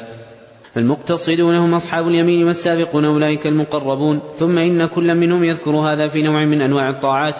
كقول القائل السابق الذي يصلي في أول الوقت والمقتصد الذي يصلي في أثنائه والظالم لنفسه الذي يؤخر العصر إلى الإصفرار أو يقول السابق والمقتصد قد ذكرهم في آخر سورة البقرة فإنه ذكر المحسن بالصدقة والظالم بأكل الربا والعادل بالبيع والناس في الأموال إما محسن وإما عادل وإما ظالم فالسابق المحسن بأداء المستحبات مع الواجبات والظالم آكل الربا ومنع الزكاة والمقتصد الذي يؤدي الزكاة المفروضة ولا يأكل الربا وأمثال هذه الأقاويل. فكل قول فيه ذكر نوع داخل في الآية إنما ذكر لتعريف المستمع بتناول الآية له وتنبيهه به على نظيره فإن التعريف بالمثال قد يسهل أكثر من التعريف بالحد المطابق والعقل السليم يتفطن للنوع كما يتفطن إذا أشير له إلى رغيف فقيل له هذا هو الخبز. وقد يجيء كثيرا من هذا الباب قولهم هذه الآية نزلت في كذا لا سيما إن كان المذكور شخصا كأسباب النزول المذكورة في التفسير. كقولهم إن آية الظهار نزلت في امرأة أوس بن الصامت وإن آية اللعان نزلت في عويمر العجلاني أو هلال بن أمية وإن آية الكلالة نزلت في جابر بن عبد الله وإن قوله وأن احكم بينهم بما أنزل الله نزلت في بني قريظة والنظير. وإن قوله ومن يولهم يومئذ دبره نزلت في بدر وإن قوله شهادة بينكم إذا حضر أحدكم الموت نزلت في قضية تميم الداري وعدي بن بداء. وقول أبي أيوب إن قوله ولا تلقوا بأيديكم التهلكة نزلت فينا معشر الأنصار. الحديث ونظائر هذا كثير مما يذكرون أنه نزل في قوم من المشركين بمكة أو في قوم من أهل الكتاب اليهود والنصارى أو في قوم من المؤمنين. فالذين قالوا ذلك لم يقصدوا أن حكم الآية مختص بأولئك الأعيان دون غيرهم فإن هذا لا يقوله مسلم ولا عاقل على الإطلاق. والناس وإن تنازعوا في اللفظ العام الوارد على سبب هل يختص بسببه أم لا. فلم يقل أحد من علماء المسلمين إن عمومات الكتاب والسنة تختص بالشخص المعين وإن غاية وإنما غاية ما يقال إنها تختص بنوع ذلك الشخص فتعم ما يشبهه ولا يكون العموم فيها بحسب اللفظ. والآية التي لا سبب معين إن كانت أمرا أو نهيا فهي متناولة لذلك الشخص ولغيره ممن كان بمنزلته. وإن كانت خبرا بمدح أو ذم فهي متناولة لذلك الشخص ولمن كان بمنزلته. ومعرفة سبب النزول تعين على فهم الآية فإن العلم بالسبب يورث العلم بالمسبب. ولهذا كان صح قولي الفقهاء أنه إذا لم يعرف ما نواه الحالف رجع إلى سبب يمينه وما هيجها وآثارها. وقولهم نزلت هذه الآية في كذا يراد به تارة أنه سبب النزول ويراد به تارة أن هذا داخل في الآية وإن لم يكن السبب كما تقول عنا بهذه الآية كذا عنا بهذه الآية كذا. وقد تنازع العلماء في قول الصاحب نزلت هذه الآية في كذا وليجري مجرى المسند كما لو ذكر السبب الذي أنزلت لأجله. أو يجري مجرى التفسير منه الذي ليس بمسند فالبخاري رحمه الله يدخله في المسند وغيره لا يدخله في المسند وأكثر المسانيد على هذا الاصطلاح كمسند أحمد وغيره بخلاف ما إذا ذكر سببا نزلت عقبة فإنهم كلهم يدخلون مثل هذا في المسند. وإذا عرف هذا فقول أحدهم نزلت في كذا لا ينافي قول الآخر نزلت في كذا إذا كان اللفظ يتناولهما كما ذكرناه في التفسير بالمثال. وإذا ذكر أحدهم لا سببا نزلت لأجله وذكر الآخر سببا فقد يمكن صدقهما بأن أن تكون نزلت عقب تلك الأسباب أو تكون نزلت مرتين. مرة لهذا السبب ومرة لهذا السبب. وهذان الصنفان اللذان ذكرناهما في تنوع التفسير تارة لتنوع الأسماء والصفات وتارة لذكر بعض أنواع المسمى وأقسامه كالتمثيلات. وهما الغالب في تفسير سلف الأمة الذي يظن أنه مختلف. ومن التنازع الموجود عنه ما يكون اللفظ فيه محتملا للأمرين إما لكونه مشتركا في اللغة كلفظ قسورة الذي يراد به الرمي ويراد به الأسد. ولفظ عسعس الذي يراد به إقبال الليل وإدباره وإما لكونه متواطئا في الأصل لكن المراد به أحد النوعين أو أحد الشيئين. كالضمائر في قوله ثم دنا فتدلى فكان قاب قوسين أو أدنى وكلفظ. والفجر وليال العشر والشفع والوتر وما أشبه ذلك. فمثل هذا قد يراد به كل المعاني التي قالها السلف وقد لا يجوز ذلك. فالأول إما لكون الآية نزلت مرتين فأريد بها هذا تارة وهذا تارة وإما لكون اللفظ المشترك يجوز أن يراد به معنياه إذ قد جوز ذلك أكثر فقهاء المالكية والشافعية والحنبلية وكثير من أهل الكلام. وإما لكون اللفظ متواطئا فيكون عاما. إذا لم يكن لتخصيصه موجب فهذا النوع إذا صح فيه القولان كان من الصنف الثاني. ومن الأقوال الموجودة عنهم ويجعلها بعض الناس اختلافا أن يعبروا عن المعاني بألفاظ متقاربة لا مترادفة فإن الترادف في اللغة قليل وأما في ألفاظ القرآن فإما نادر وإما معدوم. وقل أن يعبر عن لفظ واحد بلفظ واحد يؤدي جميع معناه بل يكون فيه تقريب لمعناه وهذا من أسباب إعجاز القرآن. فإذا قال القائل يوم تمور السماء مورا إن المور هو الحركة كان تقريبا إذ المور حركة خفيفة سريعة. وكذلك إذا قال الوحي الإعلام أو قيل أوحينا إليك أنزلنا إليك أو قيل وقضينا إلى بني إسرائيل أي أعلمنا وأمثال ذلك. فهذا كله تقريب لا تحقيق فإن الوحي هو إعلام سريع خفي وقضاء إليهم أخص من الإعلام فإن فيه إنزالا إليهم وإيحاء إليهم والعرب تضبط الفعل بعد الفعل وتعديه تعديته ومن هنا غلط من جعل بعض الحروف تقوم مقام بعض كما يقولون في قوله لقد ظلمك بسؤال نعجتك إلى نعاجه أي مع, أي مع نعاجه. وقوله من أنصاري إلى الله أي مع الله ونحو ذلك. والتحقيق ما قاله نحاة البصرة من التضمين فسؤال النعجة يتضمن جمعها وضمها إلى نعاجه. وكذلك قوله وإن كادوا ليفتنونك عن الذي أوحينا إليك ضمن معنى يزيغونك ويصدونك. وكذلك قوله ونصرناه من القوم الذين كذبوا بآياتنا ضمن معنى نجيناه وخلصناه. وكذلك قوله يشرب بها عباد الله ضمن يروى بها ونظائره كثيرة. ومن قال لا ريب لا شك فهذا تقريب وإلا فالريب فيه اضطراب وحركة كما قال صلى الله عليه وسلم دع ما يريبك إلى ما لا يريبك. وفي الحديث أنه مر بظبي حاقف فقال صلى الله عليه وسلم لا يريبه أحد فكما أن اليقين ضمن السكون والطمأنينة. فالريب ضده ضمن الاضطراب والحركة ولفظ الشك وإن قيل إنه يستلزم هذا المعنى لكن لفظه لا يدل عليه. وكذلك إذا قيل ذلك كتاب هذا القرآن فهذا تقريب لأن المشار إليه وإن كان واحدا فالإشارة بجهة الحضور غير الإشارة بجهة البعد والغيبة. ولفظ الكتاب يتضمن من كونه مكتوبا مضموما ما لا يتضمنه لفظ القرآن من كونه مقروءا مظهرا باديا فهذه الفروق موجودة في القرآن. فإذا قال أحدهم من تبسل أي تحبس وقال الآخر ترتهن ونحو ذلك لم يكن من اختلاف التضاد وإن كان المحبوس قد يكون مرتهنا وقد لا يكون إذا هذا تقريب للمعنى كما تقدم. وجمع عبارات السلف في مثل هذا نافع جدا لأن مجموع عباراتهم أدل على المقصود من عبارة أو عبارتين. ذكر المصنف رحمه الله في هذه الجملة الصنف الثاني من أصناف اختلاف التنوع الواقع بين السلف وهو ذكر بعض الأفراد على سبيل التمثيل وهو ذكر بعض الأفراد على سبيل التمثيل أي بأن يذكر المتكلم في تفسير القرآن فردا من أفراد كلمة ما على سبيل التمثيل أن يذكر المتكلم في تفسير القرآن فردا من أفراد كلمة ما على سبيل التمثيل ويذكر غيره غيره ويذكر غيره غيره فيكون المذكور في كلام هذا وهذا كلاهما يرجع إلى تلك الكلمة باعتبار كونهما من الأفراد المندرجة فيها. وينقسم هذا الصنف أربعة أقسام. وينقسم هذا الصنف أربعة أقسام. أولها أن يكون اللفظ عاما. أن يكون اللفظ عاما. ويذكر كل واحد من المفسرين فردا دون آخر. ويذكر كل واحد من المفسرين فردا دون آخر.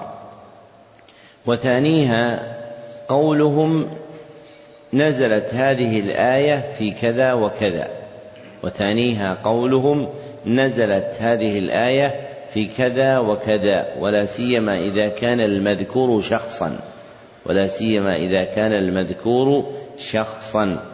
وثالثها ما يكون فيه اللفظ محتملا للأمرين ما يكون فيه اللفظ محتملا للأمرين. إما لكونه مشتركا في اللغة وإما لكونه متواطئا في الأصل. إما لكونه مشتركا في اللغة وإما لكونه متواطئا في الأصل. ورابعها أن يعبروا عن المعاني بألفاظ متقاربة لا مترادفة. أن يعبروا عن المعاني بألفاظ متقاربة لا مترادفة. فأما القسم الأول وهو أن يكون اللفظ عاما ويذكر كل واحد من المفسرين فردا دون آخر فمنه المثال الذي ذكره المصنف في تفسير قوله تعالى ثم أورثنا الكتاب الذين اصطفينا من عبادنا الآية. فإن المصنف ذكر كلاما للسلف في معنى الآية. وكل واحد منهم ذكر فردا من الأفراد التي تندرج في هذا المعنى. وكل واحد منهم ذكر فردا من الأفراد التي تندرج في هذا المعنى دون غيره. فمجموع ما ذكروه من الأفراد كلها فمجموع ما ذكره من الافراد ما ذكروه من الأفراد كلها يرجع إلى معنى الآية. يرجع إلى معنى الآية. وأخبر كل واحد بما أخبر به باعتبار مأخذ اعتبره. وأخبر كل واحد بما أخبر به باعتبار مأخذ اعتبره. وأما القسم الثاني وهو قولهم نزلت هذه الآية في كذا وكذا فالألفاظ المعبر بها عن سبب النزول ثلاثة. فالألفاظ المعبر بها عن سبب النزول ثلاثة. أولها ما كان نصا. أولها ما كان نصا. لا يحتمل غيره. لا يحتمل غيره. كقول سبب نزول هذه الآية كذا وكذا. سبب نزول الآية كذا وكذا. فهذا صريح في إرادة سبب النزول. فهذا صريح في إرادة سبب النزول. وثانيها ما كان ظاهرا. ما كان ظاهرا. وهو المحتمل وجهين. وهو المحتمل وجهين. أحدهما أظهر من الآخر. أحدهما أظهر من الآخر. كقول كان كذا وكذا فأنزل الله قوله ويذكر آية. كقول كان كذا وكذا فأنزل الله قوله ويذكر آية أو سورة. فهذا يحتمل أن يكون سببا للنزول ويحتمل أن يكون تفسيرا. فهذا يحتمل أن يكون سببا للنزول ويحتمل أن يكون تفسيرا. فربما أراد المتكلم كونه سبب النزول وربما أراد أن هذا تفسيرها وربما أراد أن هذا تفسيرها. وثالثها ما كان مجملا ما كان مجملا وهو ما يرد عليه احتمالات مختلفة وهو ما يرد عليه احتمالات مختلفة. لا يترجح أحدها على الآخر. لا يترجح أحدها على الآخر. كقول نزلت هذه الآية في كذا وكذا. نزلت هذه الآية في كذا وكذا. وهذا الثالث هو المراد عده في أقسام الصنف الثاني من اختلاف التنوع. وهذا الثالث هو المقصود عده في أقسام الصنف الثاني من اختلاف التنوع فهو متجاذب بين السببية والتفسيرية فهو متجاذب بين السببية والتفسيرية فيمكن أن يكون المتكلم أراد أن ما ذكره سبب للنزول فيمكن أن يكون المتكلم أراد أن ما ذكره سبب للنزول ويمكن أن يكون مراده أن ما ذكره هو تفسير الآية. هو تفسير الآية. وفي كلام المصنف الإشارة إلى الاختلاف في عد الأحاديث الواردة في سبب النزول هل هي من المسند أم لا؟ أي هل تدخل فيما هو مرفوع؟ أي هل تدخل فيه ما هو مرفوع؟ موصول الإسناد إلى النبي صلى الله عليه وسلم أم لا؟ فلا تكون حينئذ من المسند. والمراد بالمسند الحديث المرفوع المتصل سنده إلى النبي صلى الله عليه وسلم. والمراد بالمسند الحديث المرفوع المتصل سنده إلى النبي صلى الله عليه وسلم. وتحقيق المقال في اختلافهم أن ما كان صريحا أو ظاهرا فهو من جملة المسند اتفاقا أن ما كان صريحا أو ظاهرا فهو من جملة المسند اتفاقا وهما القسمان الأول وهما القسمان الأول والثاني. ووقع التنازع في الثالث وهو ما جاء مجملا. ووقع التنازل التنازع في الثالث وهو ما جاء مجملا. ففيه قولان. ففيه قولان. أحدهما قول من يجريه مجرى التفسير. قول من يجريه مجرى التفسير. ولا يدخله في المسند. ولا يدخله في المسند. وهو طريقة المصنفين في المسانيد. كمسند الإمام أحمد وغيره. وهو طريقة المصنفين في المسانيد. كمسند الإمام أحمد وغيره فكانوا يتجافون إدخاله في المسند فلا يذكرونه فكانوا يتجافون أي يتركون ذكره في المسند فلا يذكرونه.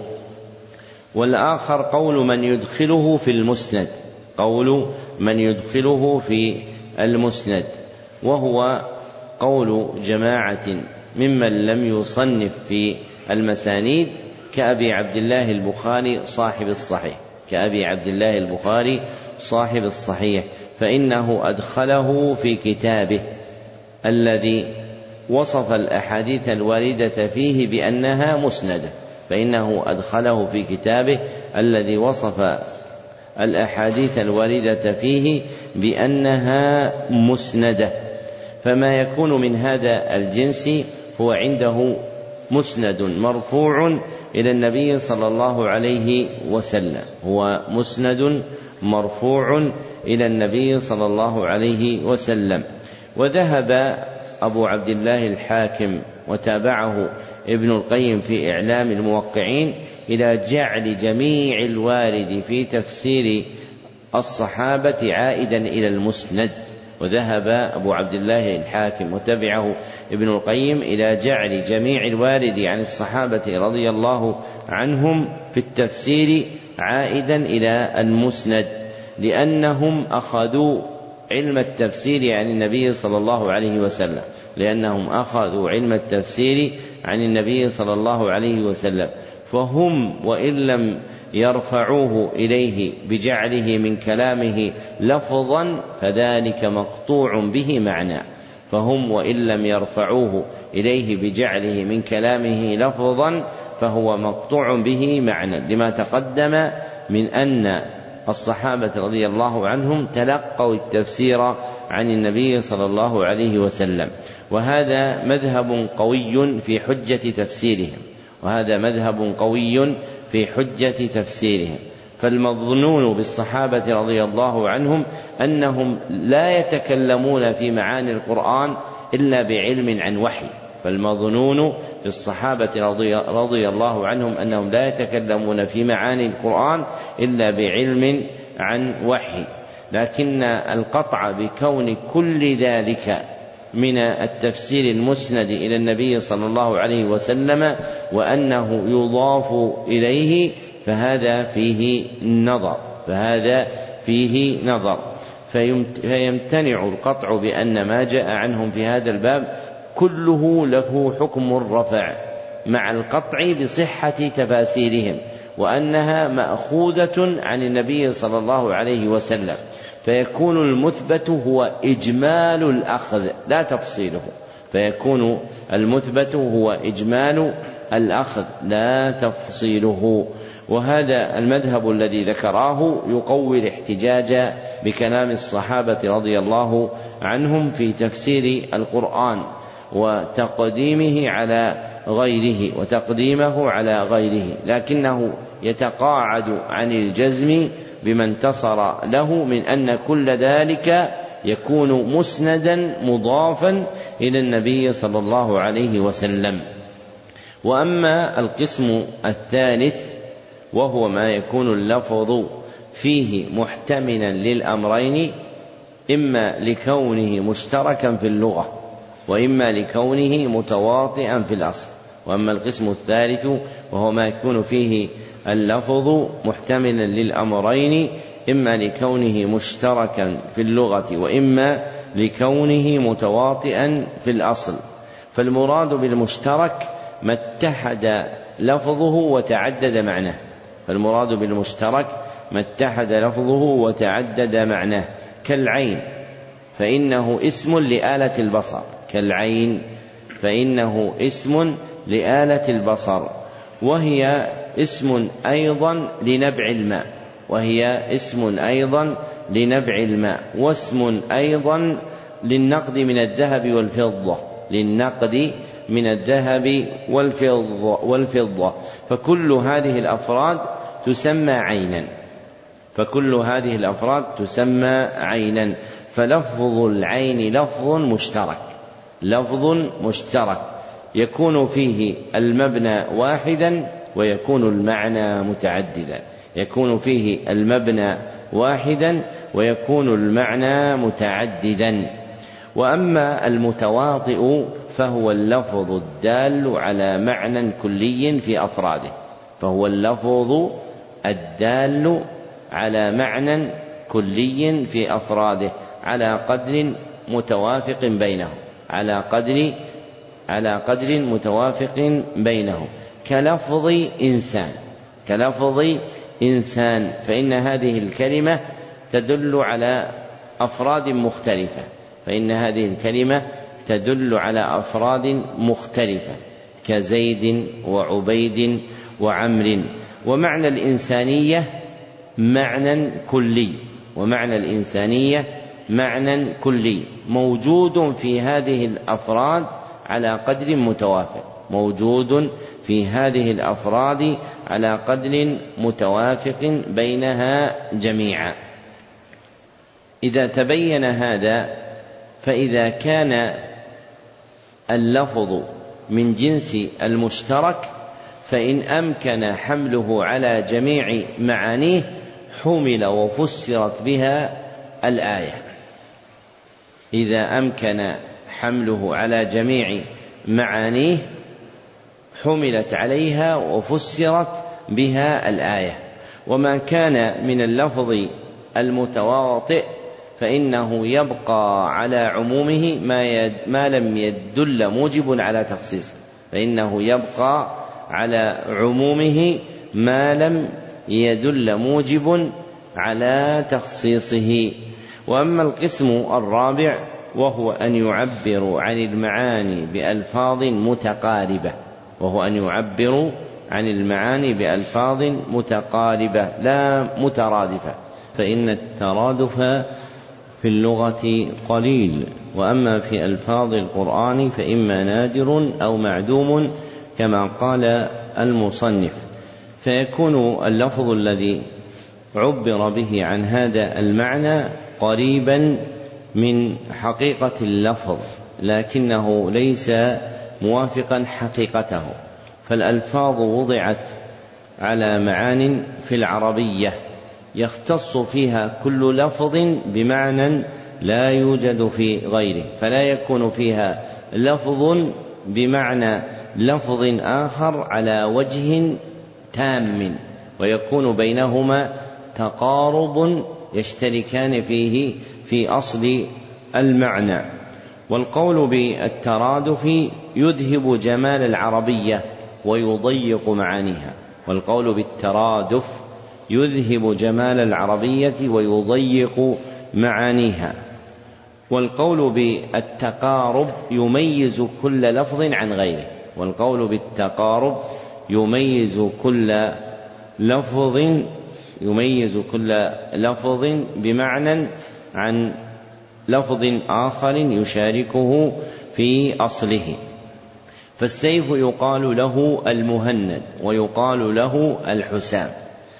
وهذان اللفظان المهند والحسام لا يقعان على معنى واحد تام. ويكون في اسم المهند ما ليس في اسم الحسام. ويكون في اسم الحسام ما ليس في اسم المهند مع اشتراكهما في كونهما يعبر بهما عن السيف. لكن عبر عن السيف بالمهند لأن أجود السيوف كانت ترد من الهند لأن أجود السيوف كانت ترد من الهند. وعبر عنه بالحسام لما فيه من الحسم وهو القطع. لما فيه من الحسم وهو القطع. فالمهند اسم للسيف باعتبار معنى. والحسام اسم للسيف باعتبار معنى آخر. ولا يقال عند تفسير المهند بأنه الحسام أو أن الحسام بأنه المهند إن هذا المعنى مترادف بحيث يقع على الآخر من كل وجه لكن يقال هما معنيان متقاربان لكن يقال هما معنيان متقاربان ويكون الفرق بينهما وفق ما ذكرناه. وحذاق أهل العربية يميزون تقارب المعاني وحذاق أهل العربية يميزون تقارب المعاني ولا يجعلون اللفظ الواحد بمعنى غيره من كل وجه ولا يجعلون اللفظ الواحد بمعنى غيره من كل وجه كما قال ابن سيدة والعبادة والخضوع والذل متقاربة كما قال ابن سيدة والعبادة والخضوع والذل متقاربة أي أن المعاني التي فيها يقرب بعضها من بعض لكن يكون في كل واحد منها ما لا يكون في الآخر. ولهذا ذكر أبو هلال العسكري رحمه الله في كتاب الفروق التمييز بين لفظ العباد بين لفظ الخضوع والذل بأن الخضوع يكون عن اختيار والذل يكون عن إكراه بأن الخضوع يكون عن اختيار والذل يكون عن إكراه فهذان اللفظان متقاربان وإذا فسر أحدهما بالآخر فليس على وجه تحقيق المعنى كما ذكر المصنف هنا في نظيره لكن على وجه التقارب بين اللفظين. وهذا الباب هو حقيقة فقه اللغة التي يتفاضل فيه أهلها كما يتفاضل الفقهاء في الأحكام باعتبار علمهم بمقاصد الشريعة. فمن قوي علمه بمقاصد الشريعة متن فقهه ومن ضعف علمه بمقاصد الشريعة ضعف فقهه ومثل ذلك يقال في اللغة أن من وعى فقهها قوي تفسيره لمعانيها ومن ضعف في فقهها ضعف فقهه معانيها ووجد أثر ذلك في تفسير القرآن لأن القرآن عربي فهو مفتقر في تفسيره إلى معرفة سنن كلام العرب اجمالا وتفصيلا. ومعرفة فقههم فيه. ثم ذكر المصنف رحمه الله أنه لما غفل عن تحقيق هذا الأصل من وجود التقارب دون الترادف غلط من غلط ممن تكلم في معاني القرآن من أهل العربية. فجعل بعض الحروف تقوم مقام بعض فجعل بعض الحروف تقوم مقام بعض أي اضطرد عنده الترادف أي اضطرد عنده الترادف فيجعل الحرف بمعنى الآخر. قال والتحقيق ما قاله نحاة البصرة من التضمين. والمراد بالتضمين أن تكون الكلمة دلت على معنى وأشربت معنى آخر. والمراد بالتضمين أن تكون الكلمة دلت على معنى وأشربت إلى وأشربت معنى آخر أي أدرج فيها معنى آخر أي أدرج فيها معنى آخر. فيه زيادة عن المعنى الأول فيه زيادة عن المعنى الأول كما مثل رحمه الله فيما ذكره من أمثلة كما مثل رحمه الله فيما ذكره من أمثلة. فلا يصح حينئذ أن يجعل هذا الحرف بمعنى غيره وأن يقال بالترادف بل يقال إن لهذا الحرف معنى ولذاك الحرف معنى ووقع تضمين أحد المعنيين في الآخر. تضمين أحد المعنيين في الآخر لإشباع الكلمة بالمعنى التام لإشباع الكلمة بالمعنى التام. ثم ذكر المصنف رحمه الله أن الوقوف على المعنى التام للآية يحتاج فيه إلى الوقوف على جميع كلام السلف وأن من تتبع كلامهم أحاط بمعنى الآية ومن اقتصر على كلام واحد أو اثنين أحاط ببعض معناها. ولهذا قال وجمع عبارات السلف في مثل هذا نافع جدا لأن مجموع عباراتهم أدل على المقصود من عبارة أو عبارتين أي أن جمع كلامهم يبرز جميع ما في الآية من المعنى أي أن جمع كلامهم يبرز جميع ما في الآية من المعنى. أما الاقتصار على كلام واحد أو اثنين فيظهر بعض تلك المعاني فيظهر بعض تلك المعاني. فمما ينتفع به في فهم القرآن الاطلاع على جميع كلام السلف في تفسيره. فمما ينتفع به في فهم معنى القرآن الاطلاع على جميع تفسير على جميع كلام السلف في تفسيره. لأن استيعاب كلامهم يؤدي إلى استيعاب معنى الآية لأن استيعاب كلامهم يؤدي إلى استيعاب معنى الآية. فأنفع للعبد أن يلحظ كلام السلف وأن يتتبع ما قالوه في معنى الآية. فكل تفسير منها يفتح له بابا في فهمها فكل تفسير منها يفتح له بابا في فهمها لكمال علومهم مع قلة ألفاظهم. لكمال علومهم مع قلة ألفاظهم. وإذا قارنت بين التفاسير المتأخرة وجدت عامتها يأخذ بعضهم عن بعض فيذكر ما ذكره. فيقصر فهم العبد للآية باعتبار اقتصاره على ما شاع عند المتأخرين بخلاف من مد بصره في كلام الأوائل فوقف على كلام السلف فإنه يقف على معنى الآية على وجه أكمل.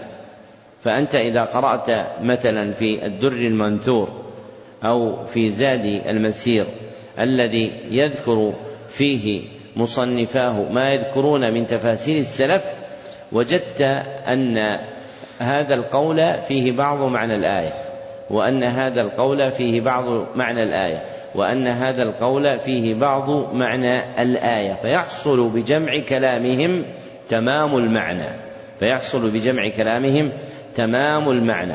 وإذا اقتصرت مثلا على النظر في البيض في تفسير البيضاوي وتفسير النسفي وتفسير الخازن فأنت ترد على مورد واحد لكنك تأتيه تارة من جهة اليمين وتارة من جهة الشمال وتارة من جهة الأمام وتارة من جهة الخلف فهو مورد واحد. وأما كلام السلف فكل تفسير منها مورد في فهم الآية.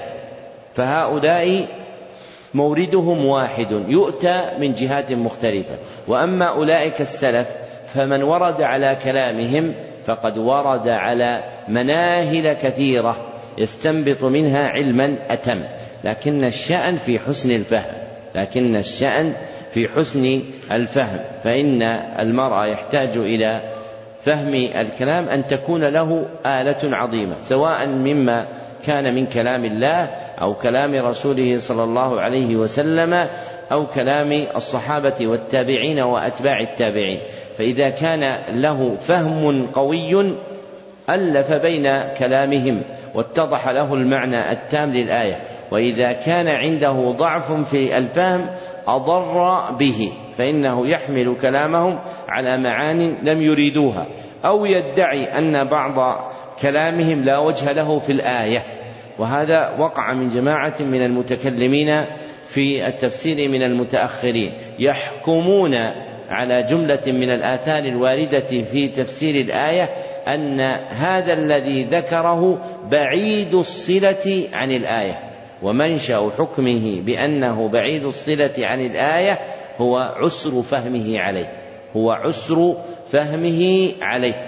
ومن بصر بكلام حذاق المتأخرين المقبلين على تفاسير السلف كأبي العباس بن تيمية وأبي عبد الله ابن القيم وأبي الفداء ابن كثير وأبي الفرج ابن رجب وجد عجبا منهم في حسن تأليف فهم كلام السلف ورد بعضه إلى بعض وأنه لا يصدر منهم مثل هذه العبارات التي يدعي فيها المدعي أن ما ذكره قتادة أو ذكره الضحاك أو ذكره سفيان بن عيينة لا صلة له بتفسير الآية.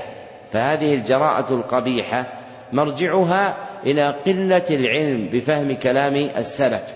ولذلك لا تجدها في كلام هؤلاء الذين ذكرنا ممن عنوا بتفسير السلف.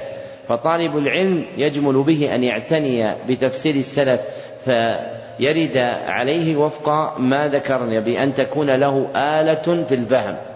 ومدار العلوم كلها على الوصول إلى فهم القرآن الكريم. فما يتعاطاه العبد من علوم الاعتقاد أو الفقه أو الحديث أو النحو أو الأصول أو العربية أي متن اللغة أو الصرف أو التاريخ أو غيرها كلها موصلة إلى فهم القرآن. فمن نزع فيها بقوة نزع في فهم القرآن بقوة. نعم. أحسن الله إليكم. قال رحمه الله ومع هذا فلا بد من اختلاف محقق بينهم كما يوجد مثل ذلك في الأحكام. ونحن نعلم أن عامة ما يضطر إليه عموم الناس من الاختلاف معلوم بل متواتر عند العامة أو الخاصة كما في عدد الصلوات ومقادير ركوعها ومواقيتها وفرائض الزكاة ونصوبها وتعيين شهر رمضان والطواف والوقوف ورمي الجمار والمواقيت وغير ذلك. ثم إن اختلاف الصحابة في الجد والإخوة وفي المشركة ونحو ذلك لا يوجب ريبا في جمهور مسائل الفرائض بل مما يحتاج إليه عامة الناس وهو عمود النسب من الآباء والأبناء والكلالة من الإخوة والأخوات ومن نسائهم كالأزواج. فإن الله أنزل في الفرائض ثلاث آيات منفصلة ذكر في الأولى الأصول والفروع وذكر في الثانية الحاشية التي ترث بالفرض كالزوجين ولد الأم. وفي الثالثة الحاشية الوارثة بالتعصيب وهم الإخوة لأبوين أو لأب.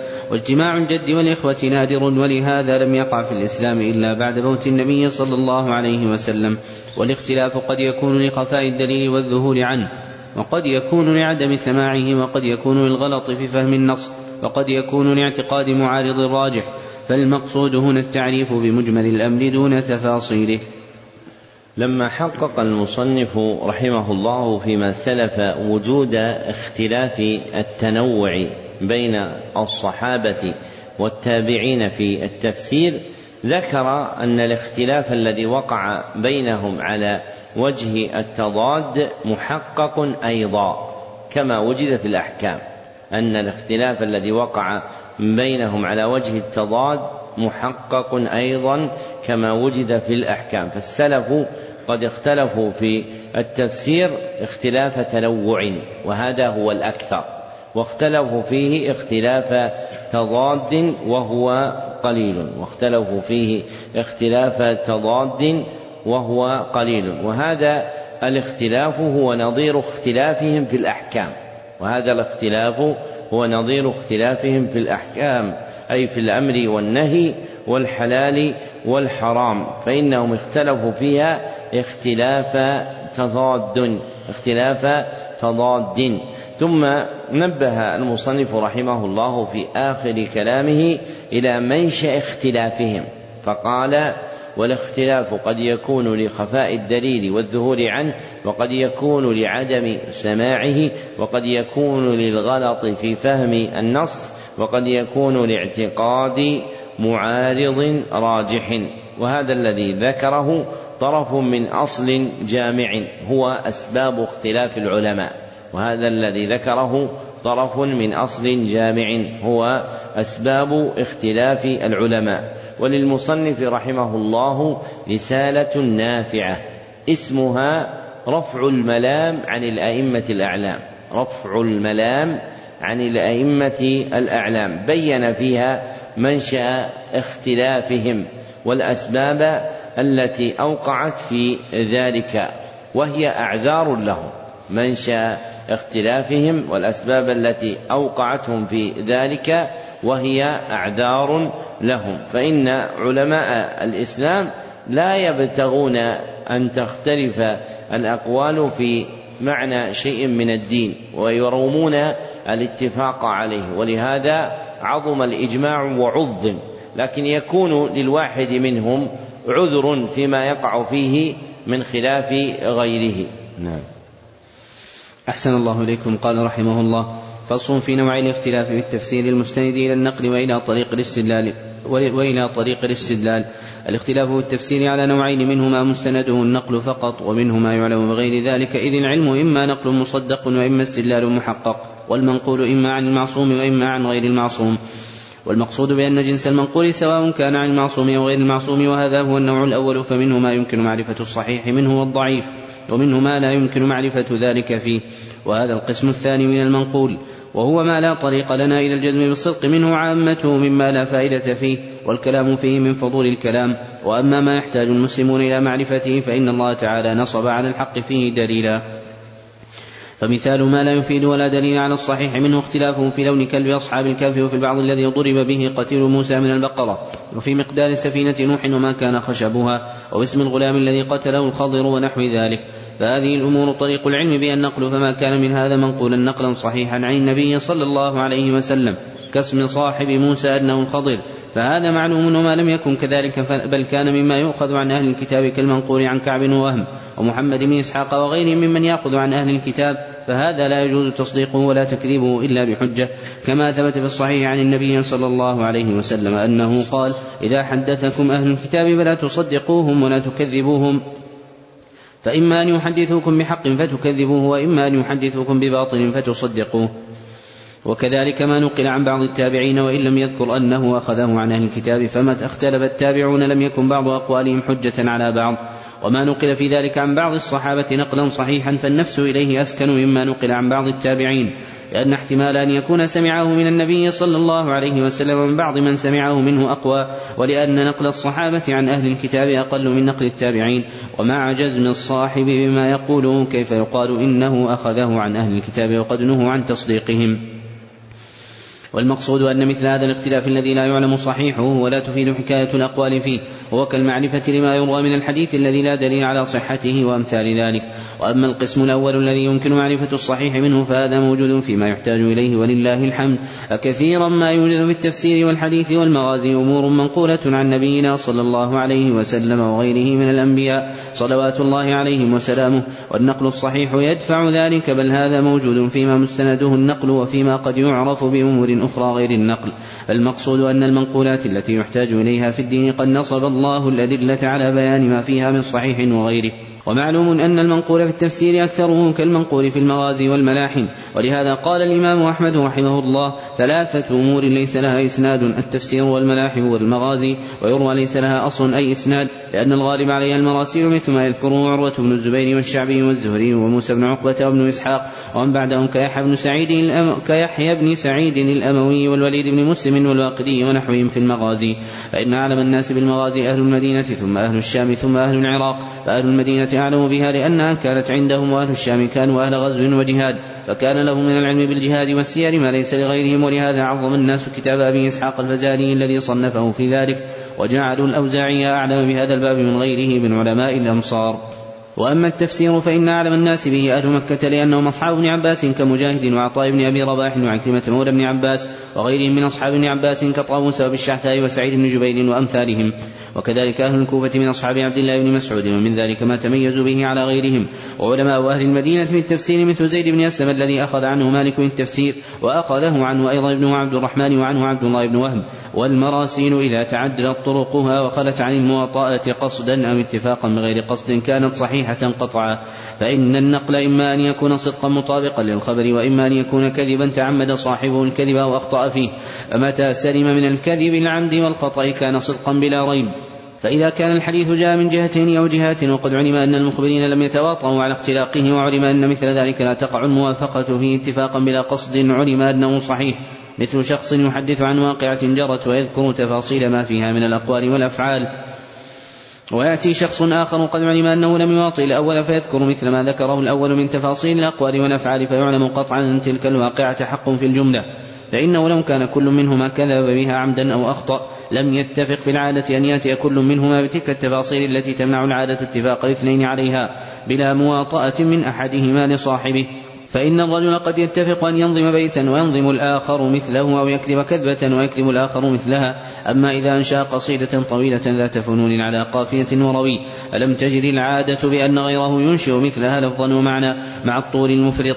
بل يعلم بالعادة أنه أخذ منه وكذلك إذا حدث حديثا طويلا فيه فنون وحدث آخر بمثله فإنه إما أن يكون واطأه عليه أو أخذه منه أو يكون الحديث صدقا. وبهذه الطريق يعلم صدق عامة ما تتعدد جهاته المختلفة على هذا الوجه من المنقولات وإن لم يكن أحدهما كافيا إما لإرساله وإما لضعف ناقله. لكن مثل هذا لا تضبط به الألفاظ والدقائق التي لا تعلم بهذه الطريق بل يحتاج ذلك إلى طريق يثبت بها مثل تلك الألفاظ والدقائق. ولهذا ثبتت غزوة بدر بالتواتر وأنها قبل أحد بل يعلم قطعا أن حمزة وعليا وأبا عبيدة برزوا إلى عتبة وشيبة والوليد وأن عليا قتل الوليد وأن حمزة قتل قرنه ثم يشك في قرنه هل هو عتبة أم شيبة. وهذا الأصل ينبغي أن يعرف فإنه أصل نافع في الجزم بكثير من المنقولات بالحديث والتفسير والمغازي. وما ينقل من أقوال الناس وأفعالهم وغير ذلك. ولهذا إذا روي الحديث الذي يتأتى فيه ذلك عن النبي صلى الله عليه وسلم من وجهين مع العلم بأن أحدهما لم يأخذه عن الآخر جزم بأنه حق. لا سيما إذا علم أن نقلته ليسوا ممن يتعمد الكذب وإنما يخاف على أحدهم النسيان والغلط فإن من عرف الصحابة كابن مسعود وأبي بن كعب وابن عمر وجابر وأبي سعيد وأبي هريرة وغيرهم رضي الله عنهم علم يقينا أن الواحد من هؤلاء لم يكن ممن يتعمد الكذب على رسول الله صلى الله عليه وسلم فضلا عمن هو فوقهم. كما يعلم الرجل من حال من جربه وخبره خبرة باطنة طويلة أنه ليس ممن يسرق أموال الناس ويقطع الطريق ويشهد بالزور ونحو ذلك وكذلك التابعون بالمدينة ومكة والشام والبصرة فإن من عرف مثل أبي صالح السمان والأعرج وسليمان بن يسار وزيد بن أسلم وأمثالهم علم قطعا أنهم لم يكونوا ممن يتعبد الكذب في الحديث فضلا عمن هو فوقهم مثل محمد بن سيرين والقاسم بن محمد أو سعيد بن المسيب أو عبينة السلمانية وعلقمة أو الأسود أو نحوهم وإنما يخاف على الواحد من الغلط فإن الغلط والنسيان كثيرا ما يعرض الإنسان ومن الحفاظ من قد عرف الناس بعده عن ذلك جدا. كما عرفوا حال الشعبي والزهري وعروة وقتادة والثوري وأمثالهم لا سيما الزهري في زمانه والثوري في زمانه. فإنه قد يقول القائل إن ابن شهاب الزهري لا يعرف له غلط مع كثرة حديثه وسعة حفظه. والمقصود أن الحديث الطويل إذا روي مثلا من وجهين مختلفين من غير مواطأة امتنع عليه أن يكون غلطا كما امتنع أن يكون كذبا. فإن الغلط لا يكون في قصة طويلة متنوعة وإنما يكون في بعضها. فإذا روى هذا قصة طويلة متنوعة ورواه الآخر مثل ما رواه الأول من غير مواطأة امتنع الغلط في جميعها كامتنع الكذب في جميعها من غير مواطأة. ولهذا إنما يقع في مثل ذلك غلط في بعض ما جرى في القصة مثل حديث اشتراء النبي صلى الله عليه وسلم البعير من جابر. فإن من تأمل طرقه علم قطعا أن الحديث صحيح وإن كانوا قد اختلفوا في مقدار الثمن وقد بين ذلك البخاري رحمه الله في صحيحه. فإن جمهور ما في البخاري ومسلم مما يقطع بأن النبي صلى الله عليه وسلم قال لأن غالبه من هذا النحو ولأنه قد تلقاه أهل العلم بالقبول والتصديق والأمة لا تجتمع على خطأ. فلو كان الحديث كذبا في نفس الأمر والأمة مصدقة له مقابلة له لكانوا قد أجمعوا على تصديق ما هو في نفس الأمر كذب. وهذا إجماع على الخطأ وذلك ممتنع. وإن كنا نحن بدون الإجماع نجوز الخطأ والكذب عن الخبر فهو كتجويزنا قبل أن نعلم الإجماع على العلم الذي الذي ثبت بظاهر أو قياس ظني أن يكون الحق في الباطن بخلاف ما اعتقدناه.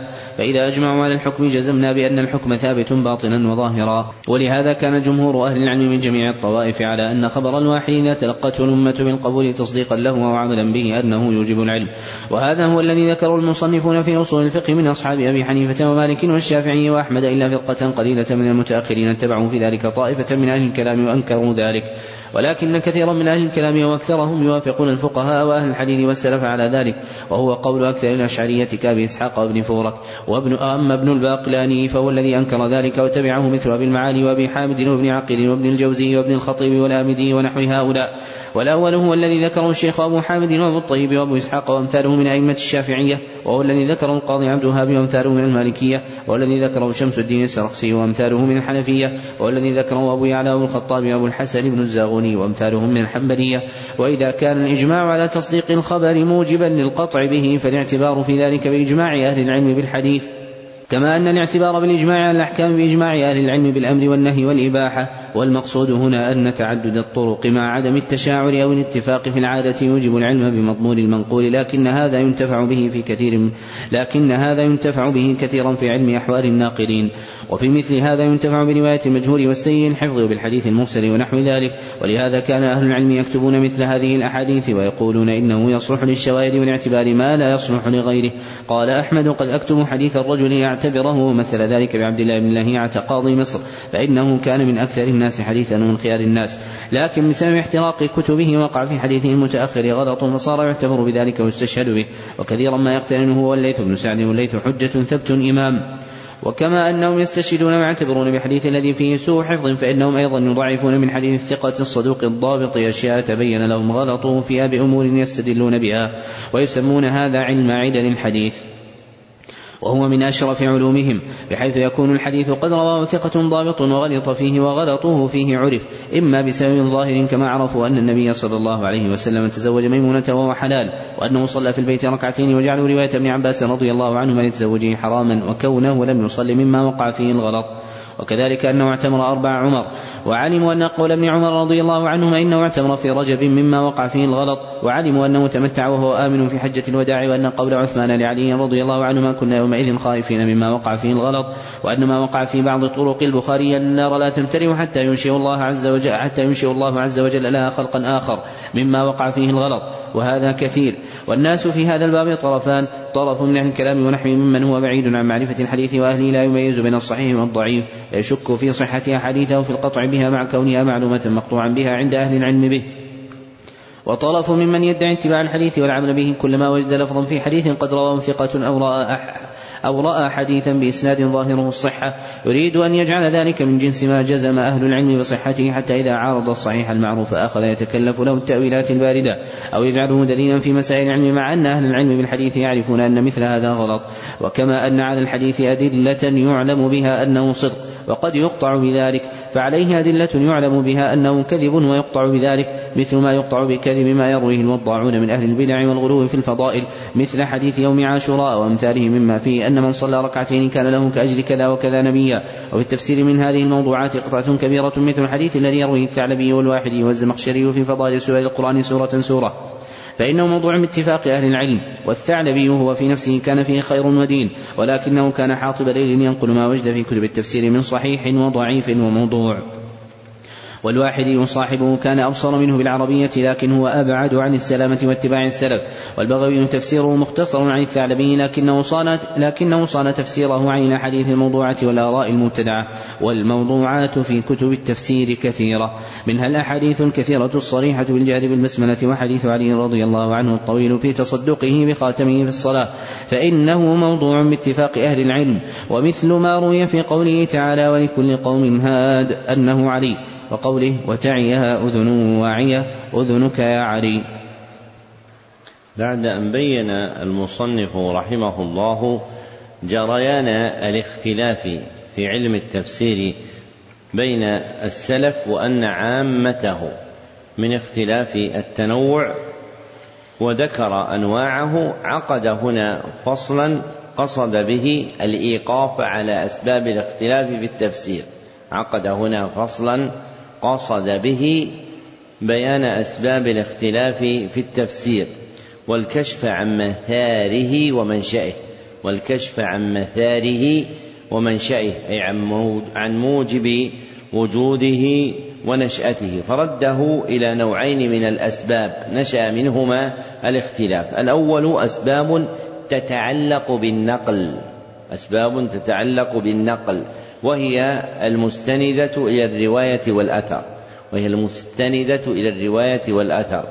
والآخر أسباب تتعلق بالاستدلال. تتعلق بالاستدلال. وهي المستندة إلى الدراية والنظر. وهي المستندة إلى الدراية والنظر.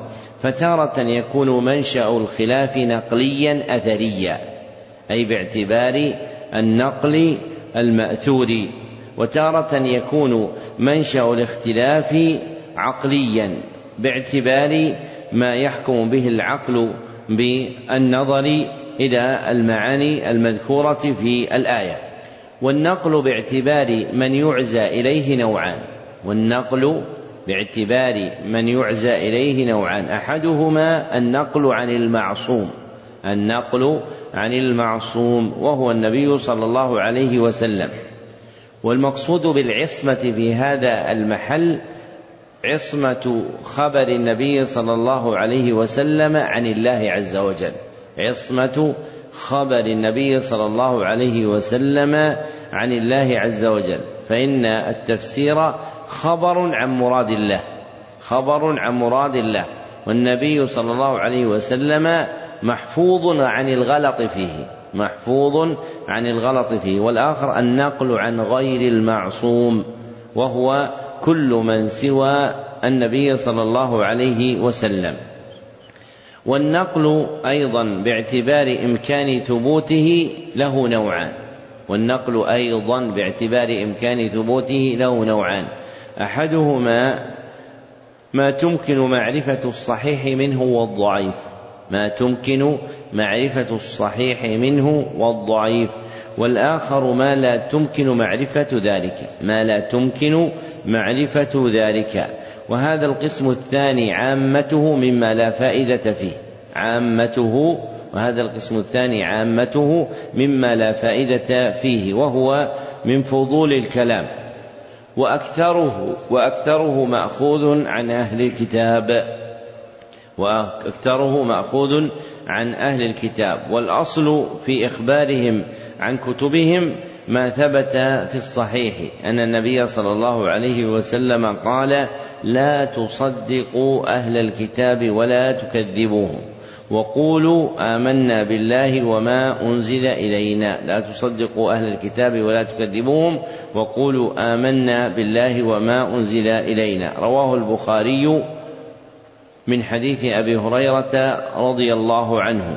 وأما اللفظ الذي ذكره المصنف وعزاه إلى الصحيح فقال ثبت في الصحيح عن النبي صلى الله عليه وسلم أنه قال إذا حدث إذا حدثكم أهل الكتاب فلا تصدقوهم إلى آخر الحديث فهذا ليس في صحيح البخاري ولا في مسلم وهو عند أحمد بإسناد ضعيف. وهو عند أحمد بإسناد ضعيف. ثم ذكر المصنف أن المنقولات في التفسير الغالب عليها المراسيل. أن المنقولات في التفسير الغالب عليها المراسيل. كالمغازي فيغلب على ما يذكر في التفسير أن يكون مرسلا. كالمنقول في المغازي من أنه جرى عرف السلف من التابعين. في فمن بعدهم في ذكرها مرسلة فهم يذكرون ما يذكرون عن غزوة بدر ويذكرون ما يذكرون عن غزوة أحد ولا يسنده أحدهم عمن فوقه من الصحابة عن النبي صلى الله عليه وسلم. ومثله كذلك في التفسير فإنه يقع فيه الإرسال كثيرا. ومنشأ ذلك أنهما من العلم العام الذي لا لا يحتاج فيه إلى نقل خاص. ومنشأ ذلك أنهما من العلم العام الذي لا يحتاج فيه إلى نقل خاص. فالناس يتشاركون في التسامع به وفي نقله. فالناس يتشاركون في التسامع به وفي نقله. وإن اختلفوا في طريق وصول العلم به إليهم. وإن اختلفوا في وصول العلم به إليهم. فمثلا يخبر من يخبر من التابعين في مكة عن أشياء من المغازي ويخبر من يخبر عن أشياء منها من تابع الكوفة أهل الكوفة ويخبر من يخبر عن أشياء منها من تابع أهل الشام. فهؤلاء يقطع بأن طريق علمهم بتلك الغزوة مختلف فهؤلاء أخذوه عن جماعة من الصحابة وهؤلاء أخذوه عن جماعة من الصحابة وهؤلاء أخذوه عن جماعة آخرين. ويقطع بأن ما ذكروه هو مأخوذ عن من قبلهم. فالمراسيل إذا وقعت في المغازي فهي على هذا الوجه. وكذلك إذا وقعت في التفسير. وكذلك إذا وقعت في التفسير فهو من العلم العام الذي نقل في طبقات الأمة. فكان القول في تفسير القرآن من أعظم علوم الصحابة وأخذه عنهم التابعون فصار بمنزلة العام الشائع الذي لا يحتاج فيه إلى نقل خاص فشاعت فيه المراسيل كما ذكر المصنف وذكر المصنف مراتب الناس في العلوم. ومن جملتها مراتبهم في علم التفسير فبين أن أعلم الناس بالتفسير في الصدر الأول هم أهل الحجاز مكة والمدينة. فأهل مكة أصحاب ابن عباس رضي الله عنه كمجاهد وطاووس وعكرمة وغيرهم. وأهل المدينة هم أهل الدار الذين نزل فيهم كثير من القرآن وكان فيهم منشأ الإسلام قوة وعزة. ومن علمائهم في التابعين زيد بن أسلم وعامة علمه أخذه عن الصحابة كابن عمر وأبي هريرة رضي الله عنهما وعن أبيه وعطاء بن يسار رحمهما الله. وكان هو رأس التابعين من أهل المدينة في علم التفسير وأخذه عنه مالك بن أنس وأخذه عنه أيضا ابنه عبد الرحمن يعني ابن زيد ابن أسلم. وعن عبد الرحمن أخذه عبد الله ابن وهب المصري.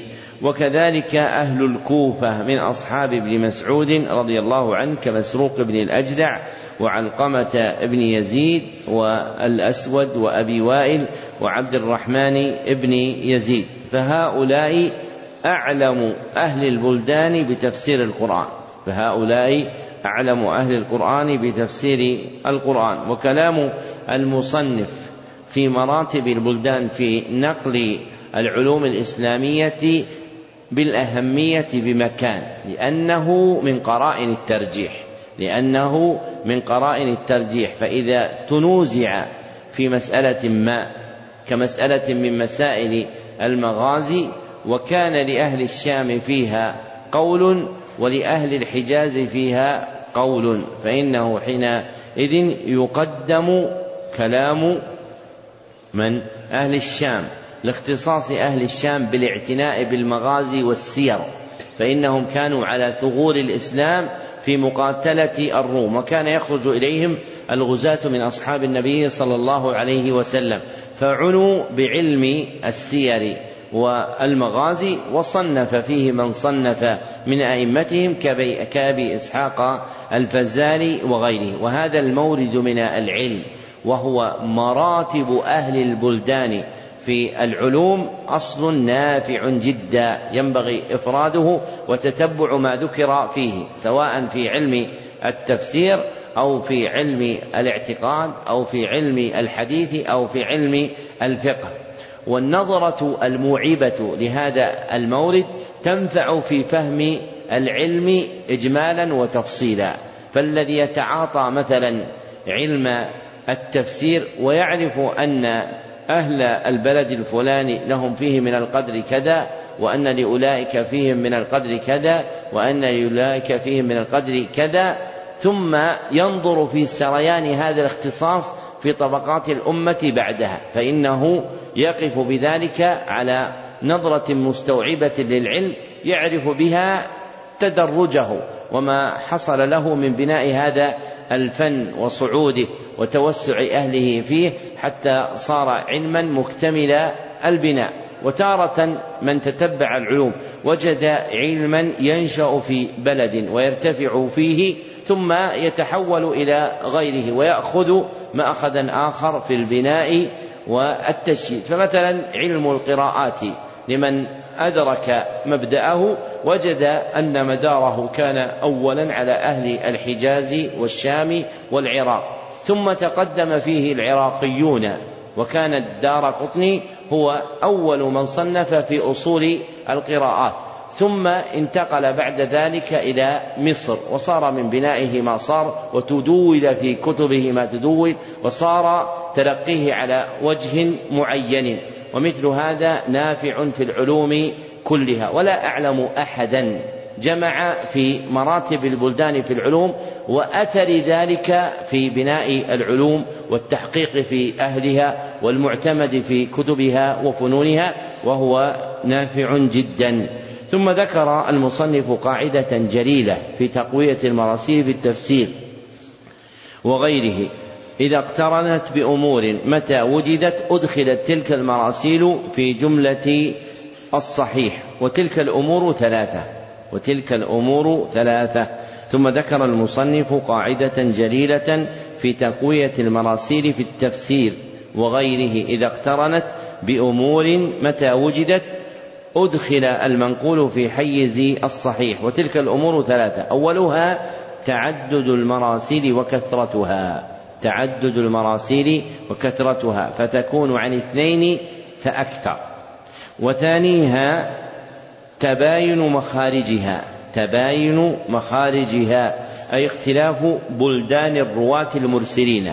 أي اختلاف بلدان الرواة المرسلين فيكون أحدهم شاميا والآخر عراقيا والثالث حجازيا فمخرجهم فمخرج المرسل مختلف لاختلاف بلدان المرسلين. والثالث وجود معنى كلي في مراسلهم. وجود معنى كلي في مراسيلهم. يجتمع عليه يجتمع يجتمع عليه ما رووه وتتلاقى تتلاقى فيه مروياتهم. يجتمع فيه ما رووه وتتلاقى فيه مروياتهم. فمتى وجدت هذه الأمور الثلاثة؟ قويت تلك المراسيل وصارت في جملة الصحيح المقبول المحكوم بثبوته. ويكون المحكوم بثبوته حينئذ هو المعنى الكلي الذي اتفقت عليه المراسيل دون التفاصيل. ويكون المجزوم به حينئذ هو المعنى الكلي الذي اتفقت عليه المراسيل دون أفراد دون الذي اتفقت عليه المراسيل دون أفراد التفاصيل. فمثلا إذا روي مرسل في أن خالد بن الوليد دخل مكة من جهة كذا وكذا. وروي مرسل آخر أن خالد بن الوليد لما دخل هو ومن معه مكة قتلوا فلانا وفلانا. وروي مرسل ثالث بأن خالد بن الوليد تأخر في دخول تلك الجهة حتى دخل النبي صلى الله عليه وسلم من جهة أخرى. فهذه المراسيل تشترك في إثبات أصل كلي وهو على رأس سرية. هو دخول خالد بن الوليد مكة على رأس سرية. هو دخول خالد بن الوليد مكة على رأس سرية. فيفيد في إثبات هذا المعنى الكلي وإن وجدت تفاصيل في ذلك وإن وجدت تفاصيل في ذلك. وماذا يفيد هذا إذا كان خالد على رأس سرية؟ لا ماذا يفيد كونه على رأس سرية؟ أنه كان من قواد الجيوش في عهد النبي صلى الله عليه وسلم. وهذا أثر في السرايا والغزوات التي كانت في عهد الخلفاء الراشدين أنهم كانوا يجعلون على رأسها صحابيا قائدا. وجعل ابن حجر في كتاب الإصابة من طرق إثبات كون أحد صحابيا تأميره على جيش أو سرية في عهد الخلفاء الراشدين. وهذا مأخذ لطيف من العلم. ثم ذكر المصنف أن هذا الأصل وهو تثبيت المراسيل على الوجه المذكور ينبغي أن يعرف فإنه أصل نافع في الجزم بكثير من المنقولات في الحديث والتفسير والمغازي. وقد أشار إليه كما أشار إليه المصنف محتفيا به أبو الفضل ابن حجر في كتاب الإفصاح بالنكت على ابن الصلاح في كتاب الإفصاح بالنكت على ابن الصلاح. فذكر ما ذكره المصنف هنا من أن المراسيل تثبت على هذا الوجه إذا تعددت.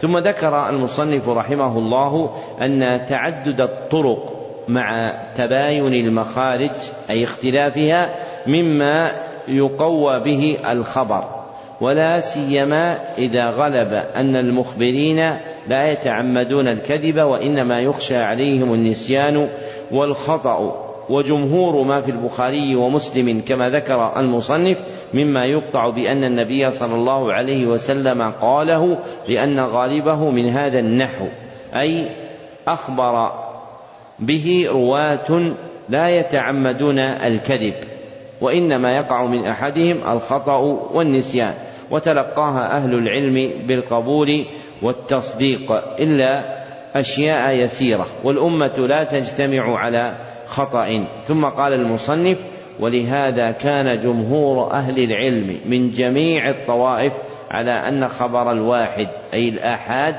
إذا تلقته الأمة بالقبول تصديقا له أو عملا به أنه يوجب العلم. أنه يوجب العلم لأن من أهل العلم من المتكلمة من قال إنه لا يوجب العلم أبدا والمختار أن خبر الآحاد قد يوجب العلم باعتبار ما يحتف به من القرائن ومنها أن تتلقاه الأمة بالقبول تصديقا وعملا.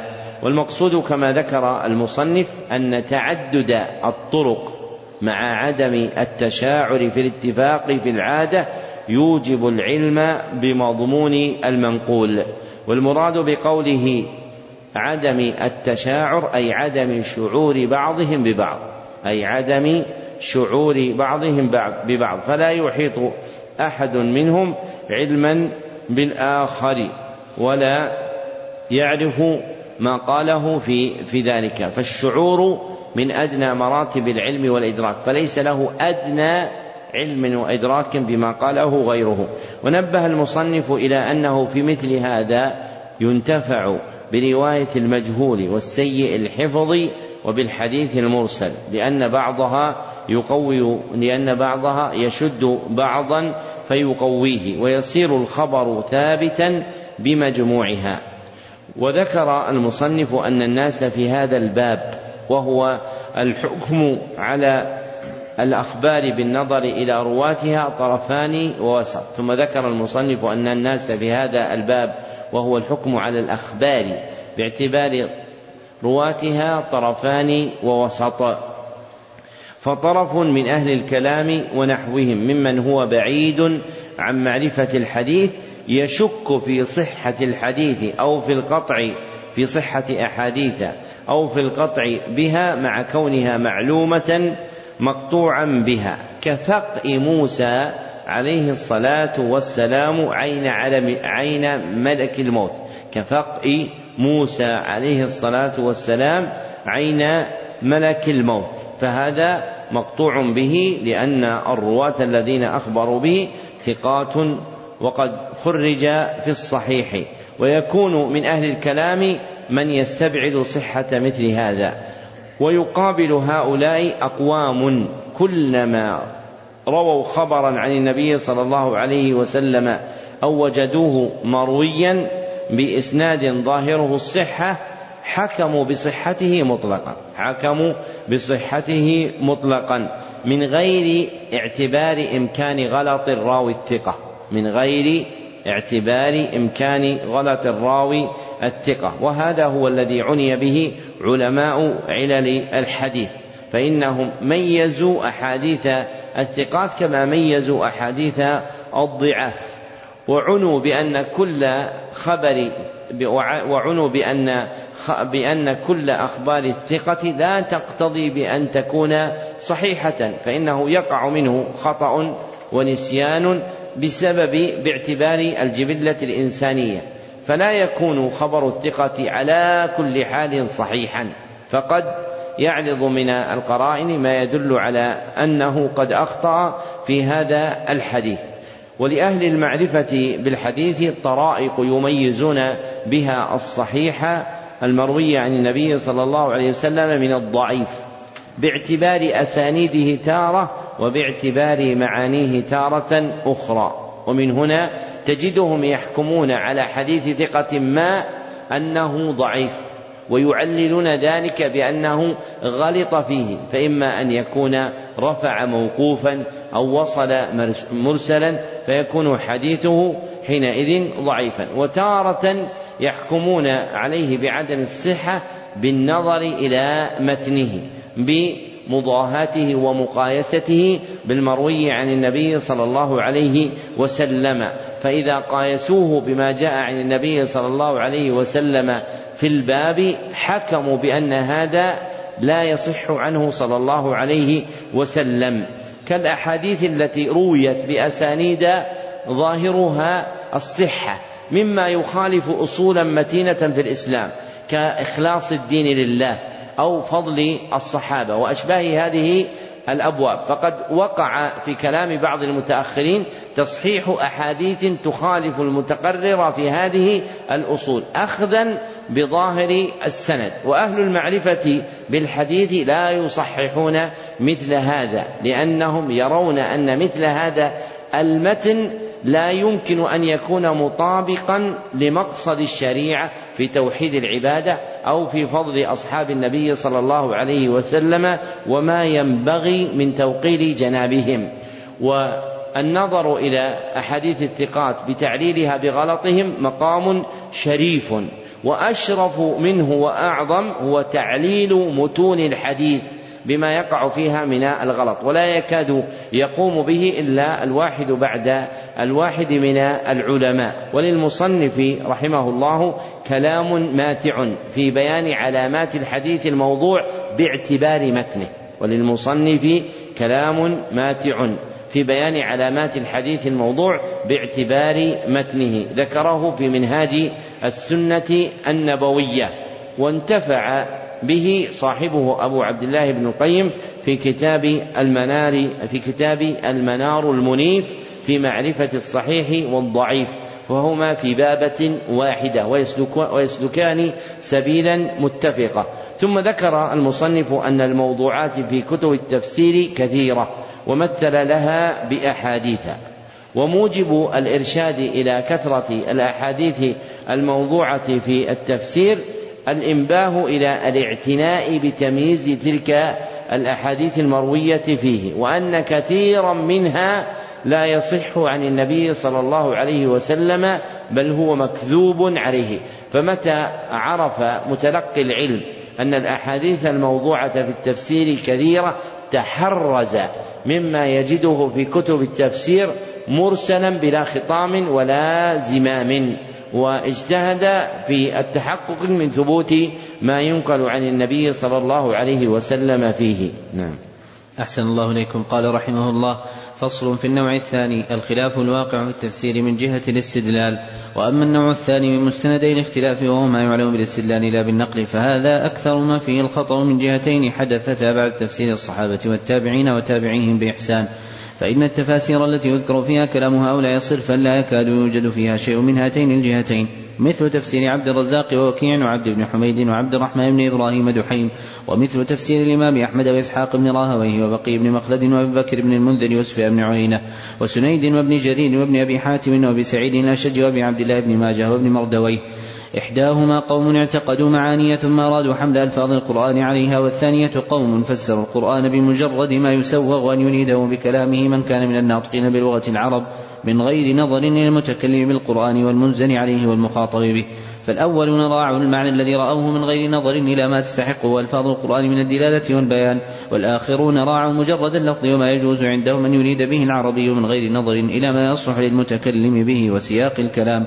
ثم هؤلاء كثيرا ما يغلطون في احتمال اللفظ لذلك المعنى في اللغة كما يغلط في ذلك الذين قبلهم كما أن الأولين كثيرا ما يغلطون في صحة المعنى على الذي فسروا به القرآن كما يغلط في ذلك الآخرون. وإن كان نظر الأولين إلى المعنى أسبق ونظر الآخر الآخرين إلى اللفظ أسبق.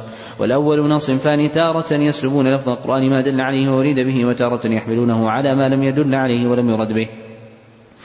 وفي كلا الأمرين قد يكون ما قصدوا نفيه وإثباته من معنى باطلا فيكون خطأهم في الدليل والمدلول وقد يكون حقا فيكون خطأهم في الدليل لا في المدلول. وهذا كما أنه وقع في تفسير القرآن فإنه وقع أيضا في تفسير الحديث. فالذين أخطأوا في الدليل والمدلول مثل طوائف من أهل البدع اعتقدوا مذهبا يخالف الحق الذي عليه الأمة الوسط الذين لا يجتمعون على ضلالة كسلف الأمة وأئمتها وعمدوا إلى القرآن فتأولوه على آرائهم تارة يستدلون بآيات على مذهبهم ولا دلالة فيها وتارة يتأولون ما يخالف مذهبهم بما يحرفون به الكلمة عن مواضعه. ومن هؤلاء فرق الخوارج والروافض والجهمية والمعتزلة والقدرية والمرجئة وغيرهم. وهذا كالمعتزلة مثلا فإنهم من أعظم الناس كلاما كلاما وجدالا. وقد صنفوا تفاسير على أصول مذهبهم مثل تفسير عبد الرحمن بن كيسان الأصم شيخ إبراهيم بن إسماعيل بن علية الذي كان يناظر الشافعي. ومثل كتاب أبي علي الجبائي والتفسير الكبير القاضي عبد الجبار بن أحمد الهمداني والجامع لعلم القرآن لعلي بن عيسى الرماني والكشاف لأبي القاسم الزمخشري فهؤلاء وأمثالهم اعتقدوا مذاهب المعتزلة وأصول المعتزلة خمسة يسمونها هم التوحيد والعدل والمنزلة بين المنزلتين وإنفاذ الوعيد والأمر بالمعروف والنهي عن المنكر وتوحيدهم وتوحيد الجهمية الذي مضمونه نفي الصفات وغير ذلك. قالوا إن الله لا يرى وإن القرآن مخلوق وإنه تعالى ليس فوق العالم وإنه لا يقوم به علم ولا قدرة ولا حياة ولا سمع ولا بصر ولا كلام ولا مشيئة ولا صفة من الصفات. وأما عدلهم فمن مضمونه أن الله عز وجل لم يشاء جميع الكائنات ولا خلقها كلها ولا هو قادر عليها كلها. بل عندهم أفعال العباد لم يخلق الله عز وجل لا خيرها ولا شرها ولم يرد إلا ما أمر به شرعا وما سوى ذلك فإنه يكون بغير مشيئته. وقد وافقهم على ذلك متأخر الشيعة كالمفيد وأبي جعفر الطوسي وأمثالهما ولأبي جعفر هذا تفسير على هذه الطريقة لكن يضم إلى ذلك قول الإمامية الاثني عشرية فإن المعتزلة ليس فيهم من يقول بذلك ولا من ينكر خلافة أبي بكر وعمر وعثمان وعلي رضي الله عنهم ومن أصول المعتزلة مع الخوارج إنفاذ الوعيد في الآخرة وأن الله عز وجل لا يقبل في أهل الكبائر شفاعة ولا يخرج منهم أحدا من النار ولا ريب أنه قد رد عليهم طوائف من المرجئة والكرامية والكلابية وأتباعهم فأحسنوا تارة وأساءوا أخرى حتى صاروا في طرفي نقيض كما قد بسط في غير هذا الموضع. والمقصود أن مثل هؤلاء اعتقدوا رأيا ثم حملوا ألفاظ القرآن عليه وليس لهم سلف من الصحابة والتابعين لهم بإحسان ولا من أئمة المسلمين لا في رأيهم ولا في تفسيرهم. وما من تفسير من تفاسيرهم الباطلة إلا وبطلانه يظهر من وجوه كثيرة وذلك من جهتين تارة من العلم بفساد قولهم وتارة من العلم بفساد ما فسروا به القرآن إما دليلا على قولهم أو جوابا على المعارض لهم. ومن هؤلاء من يكون حسن العبارة فصيحا يدس البدع في كلامه وأكثر الناس لا يعلمون. كصاحب الكشاف ونحوه حتى إنه يروج على خلق كثير ممن لا يعتقد الباطل من تفاسيرهم الباطلة ما شاء الله. وقد رأيت من العلماء المفسرين وغيرهم من يذكر في كتابه وكلامه من تفسيرهم ما يوافق أصولهم التي يعلم ويعتقد فسادها ولا يهتدي لذلك. ثم إنه بسبب تطرف هؤلاء وضلالهم دخلت الرافضة الإمامية ثم الفلاسفة ثم القرامطة وغيرهم فيما هو أبلغ من ذلك. وتفاقم الأمر في الفلاسفة والقرامطة والرافضة فإنهم فسروا القرآن بأنواع لا يقضي منها العالم عجبا.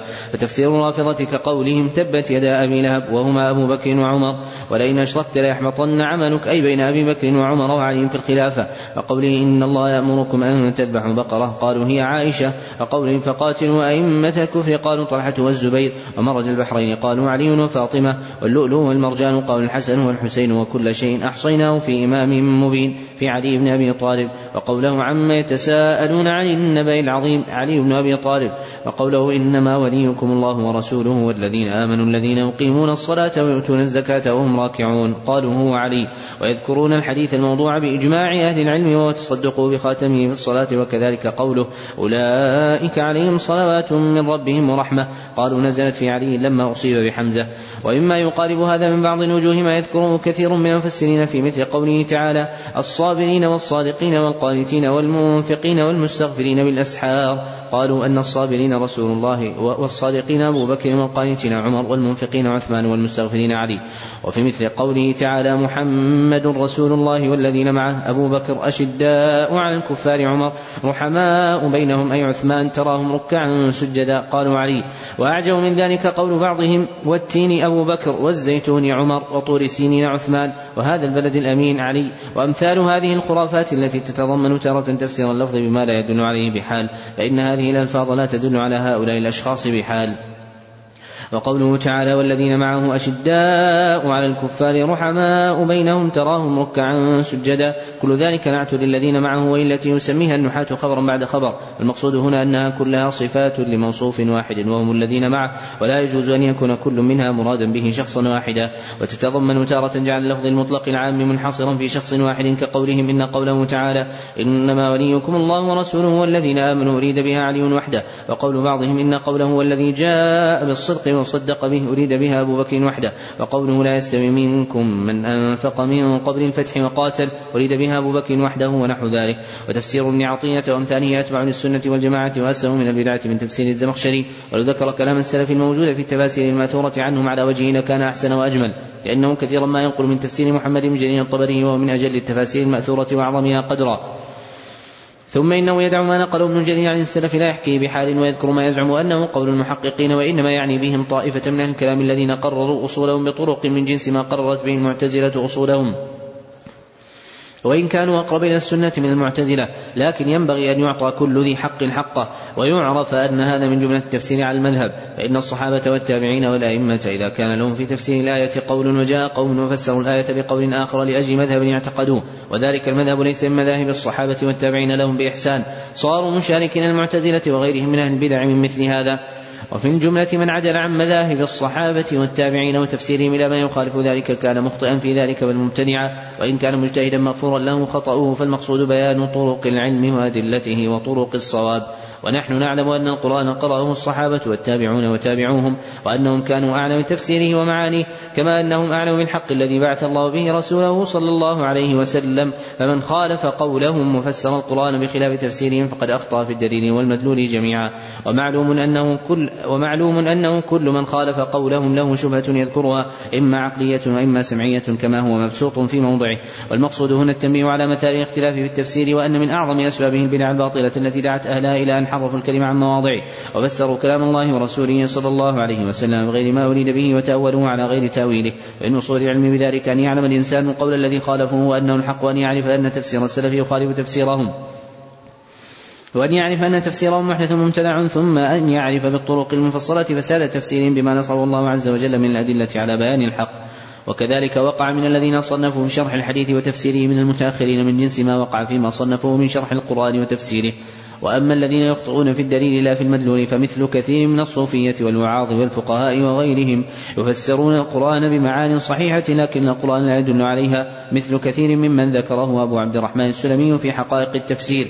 وإن كان فيما ذكروا ما هو معان باطلة فإن ذلك يدخل في القسم الأول. وهو الخطأ في الدليل والمدلول جميعا حيث يكون المعنى الذي قصدوه فاسدا. ذكر المصنف رحمه الله في هذه الجملة أن النوع الثاني من مستندي الاختلاف وهو ما يرجع إلى الاستدلال أكثر ما يقع فيه الخطأ من جهتين. ذكر المصنف في هذه الجملة أن النوع الثاني من مستندي الاختلاف وهو ما يرجع إلى الاستدلال أكثر ما يقع فيه الخطأ من جهتين. فالجهة الأولى تفسير القرآن بملاحظة لغة العرب. تفسير القرآن بملاحظة لغة العرب. دون ملاحظة المتكلم به وهو الله. دون ملاحظة المتكلم به وهو الله ولا النازل عليه وهو محمد صلى الله عليه وسلم ولا المخاطب به وهم الصحابة رضي الله عنهم. فهم يقصرون اللفظ القرآني على المورد اللغوي. فهم يقصرون اللفظ القرآني على المورد اللغوي دون ملاحظة متعلقات الخطاب. دون ملاحظة متعلقات الخطاب. من كون المتكلم به هو الله وأن النازل وكون النازل عليه هو محمد صلى الله عليه وسلم وكون المخاطب به هم الصحابة رضي الله عنهم أصالة فمن بعدهم. فأهل هذه الجهة يقصرون النظر على البناء اللغوي يقصرون النظر على البناء اللغوي فهم أهل ألفاظ ومباني فهم أهل ألفاظ ومبان. والجهة الثانية تفسير القرآن بحمل ألفاظه على معان يعتقدها المفسر. تفسير القرآن بحمل ألفاظه على معان يعتقدها المفسر.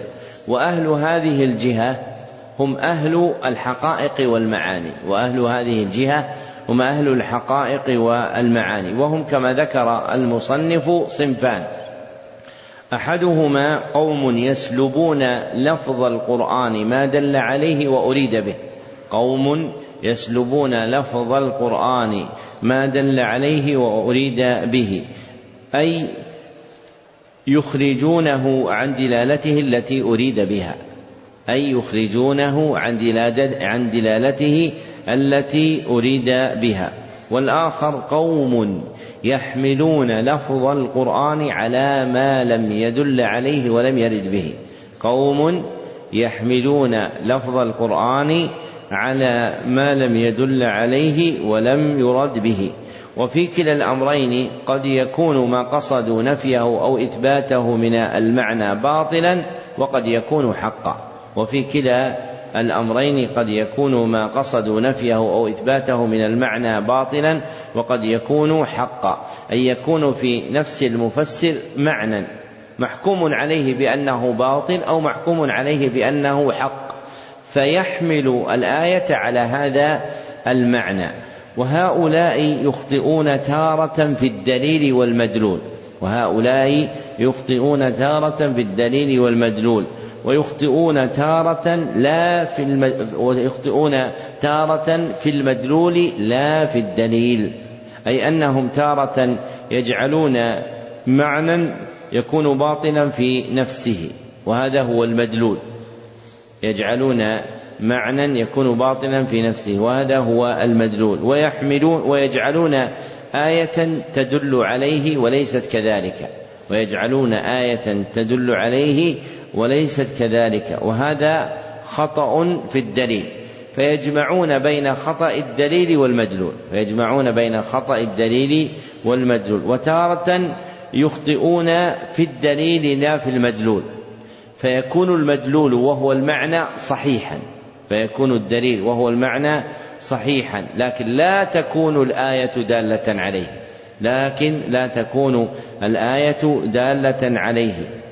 فيخطئون حينئذ في الدليل دون المدلول. فأما الذين يخطئون في الدليل والمدلول معا فهم الذين أشار إليهم المصنف بقوله فالذين أخطأوا في الدليل والمدلول مثل طوائف من أهل البدع اعتقدوا مذهبا يخالف الحق الذي عليه الأمة الوسط. فأما الذين يخطئون في الدليل والمدلول فهم الذين أشار إليهم المصنف بقوله فالذين أخطأوا في الدليل والمدلول مثل طوائف من أهل البدع اعتقدوا مذهبا يخالف الحق الذي عليه الأمة الوسط. وأما المقابلون لهم وهم الذين يخطئون في الدليل لا في المدلول فقد ذكرهم المصنف في آخر كلامه. وأما المقابلون لهم وهم الذين يخطئون في الدليل لا في المدلول فقد ذكرهم المصنف في آخر كلامه. وذلك في قوله في آخر ما قرأ القارئ قال وأما الذين يخطئون في الدليل لا في المدلول فمثل كثير من الصوفية والوعاظ والفقهاء وغيرهم يفسرون القرآن بمعان صحيحة إلى آخر ما ذكر عنهم. فهؤلاء وأولئك يرجع غلطهم في تفسير القرآن إلى حمله على معان يعتقدها المفسر. فهؤلاء وأولئك يرجع غلطهم في تفسير القرآن إلى حمله على معان يعتقده المفسر. وما من تفسير من هذه التفاسير إلا وبطلانه يظهر من وجوه كثيرة. وما من تفسير من هذه التفاسير إلا وبطلانه يظهر من وجوه كثيرة كما ذكر المصنف. يجمعها جهتان. يجمعها جهتان. أولاهما العلم بفساد قولهم. العلم بفساد قولهم. فيكون أصل مقالتهم فاسدا. فيكون أصل مقالتهم فاسدا كمقالات المعتزلة والخوارج والكرامية وغيرهم. والأخرى العلم بفساد ما فسروا به القرآن. العلم بفساد ما فسروا به القرآن. إما دليلا على قولهم وإما جوابا على المعارض لهم. إما دليلا على قولهم وإما جوابا على المعارض لهم. فلا يكون أصل قولهم فاسدا. فلا يكون أصل قولهم فاسدا. لكن المعنى الذي اعتقدوه في تفسير آية لا يكون فيها صحيحا. لكن المعنى الذي اعتقدوه في تفسير آية لا يكون فيها صحيحا. وهذا هو الفرق بين الجهتين. وهذا هو الفرق بين الجهتين. ففي الجهة الأولى يكون أصل المسألة فاسدا. وأما في الجهة الثانية فتكون دلالة الآية على المعنى الذي توهموه فاسدة. أما المعنى فيكون صحيحا. ثم ذكر المصنف أن أهل الجهتين المتقدمتين يرجع غلطهم إلى أمرين. ثم ذكر المصنف أن أهل الجهتين المذكورتين يرجع غلطهم إلى أمرين. أحدهما الغلط في صحة المعنى الذي فسروا به القرآن. الغلط في صحة المعنى الذي فسروا به القرآن. وهو أكثر عند أهل الجهة الأولى من أهل الجهة الثانية. وهو أكثر عند أهل الجهة الأولى من أهل الجهة الثانية. والآخر الغلط في احتمال اللفظ لما ذكروه من معنى. الغلط في احتمال اللفظ لما ذكروه من معنى وهو أكثر عند أهل الجهة الثانية من أهل الجهة الأولى. ثم قال المصنف وفي الجملة من عدل عن مذاهب الصحابة والتابعين وتفسيرهم إلى ما يخالف ذلك كان مخطئا في ذلك بل مبتدعا ووجه غلطه أن تفسير القرآن مأخوذ بطريق النقل أصلا. ووجه غلطه أن تفسير القرآن مأخوذ بالنقل أصلا. فأخذه الصحابة عن النبي صلى الله عليه وسلم وأخذه التابعون عن الصحابة وأخذه أتباع التابعين عن التابعين. فهو مأخوذ بطريق النقل. فالعدول عنه إلى غيره يوقع صاحبه في الخطأ بلا ريب. فالعدول عن النقل إلى غيره يوقع صاحبه في الخطأ بلا ريب. وقد يوقعه أيضا في البدعة. وقد يوقعه أيضا في البدعة. ثم ذكر المصنف في آخر هذا الفصل أن هذه البلية التي وقعت في تفسير القرآن من وجود الغلط فيه من الجهتين المذكورتين وقع أيضا في الذين صنفوا في شرح الأحاديث. وقع أيضا في الذين صنفوا في شرح الأحاديث. ففيهم من يبين معاني الأحاديث بأشياء باطلة في نفسها. فمنهم من من يبين معاني الأحاديث بأشياء باطلة في نفسها. فيخطئ في الدليل والمدلول معا. فيخطئ في الدليل والمدلول معا. ومنهم من يبين معاني صحيحة لكن الحديث لا يحتملها. ومنهم من يبين معاني صحيحة لكن الحديث لا يحتملها فيكون غلطه في المدلول لا في الدليل فيكون غلطه في المدلول لا في الدليل. والكلام فيما يتعلق في هذا في في تفسير معاني الحديث أقل منه في الكلام في تفسير القرآن فإن وقوع الغلط في القرآن وبيان وجوهه تكلم فيه كثير من أهل العلم. وأما ما يرجع ذلك فيما يتعلق بالحديث فإنه قليل. ومن وجوه النفع والانتفاع في العلم أن يعمد صاحب العلم إلى مقايسة ما ذكر في القرآن بما ينبغي أن يذكر في الحديث. أن يعمد صاحب العلم إلى مقايسة ما ذكر في القرآن إلى ما ينبغي أن يذكر في الحديث. فإن علماء الأمة أربوا فيما اعتنوا به في القرآن الكريم في تثوير علومه وبيان فنونه ولم يقع تمام ذلك في الحديث فأنت تجد علوما مستعملة في علوم القرآن لم يوجد نظيرها في علوم الحديث وكان ينبغي أن يشترك فيها لأنهما جميعا إيش؟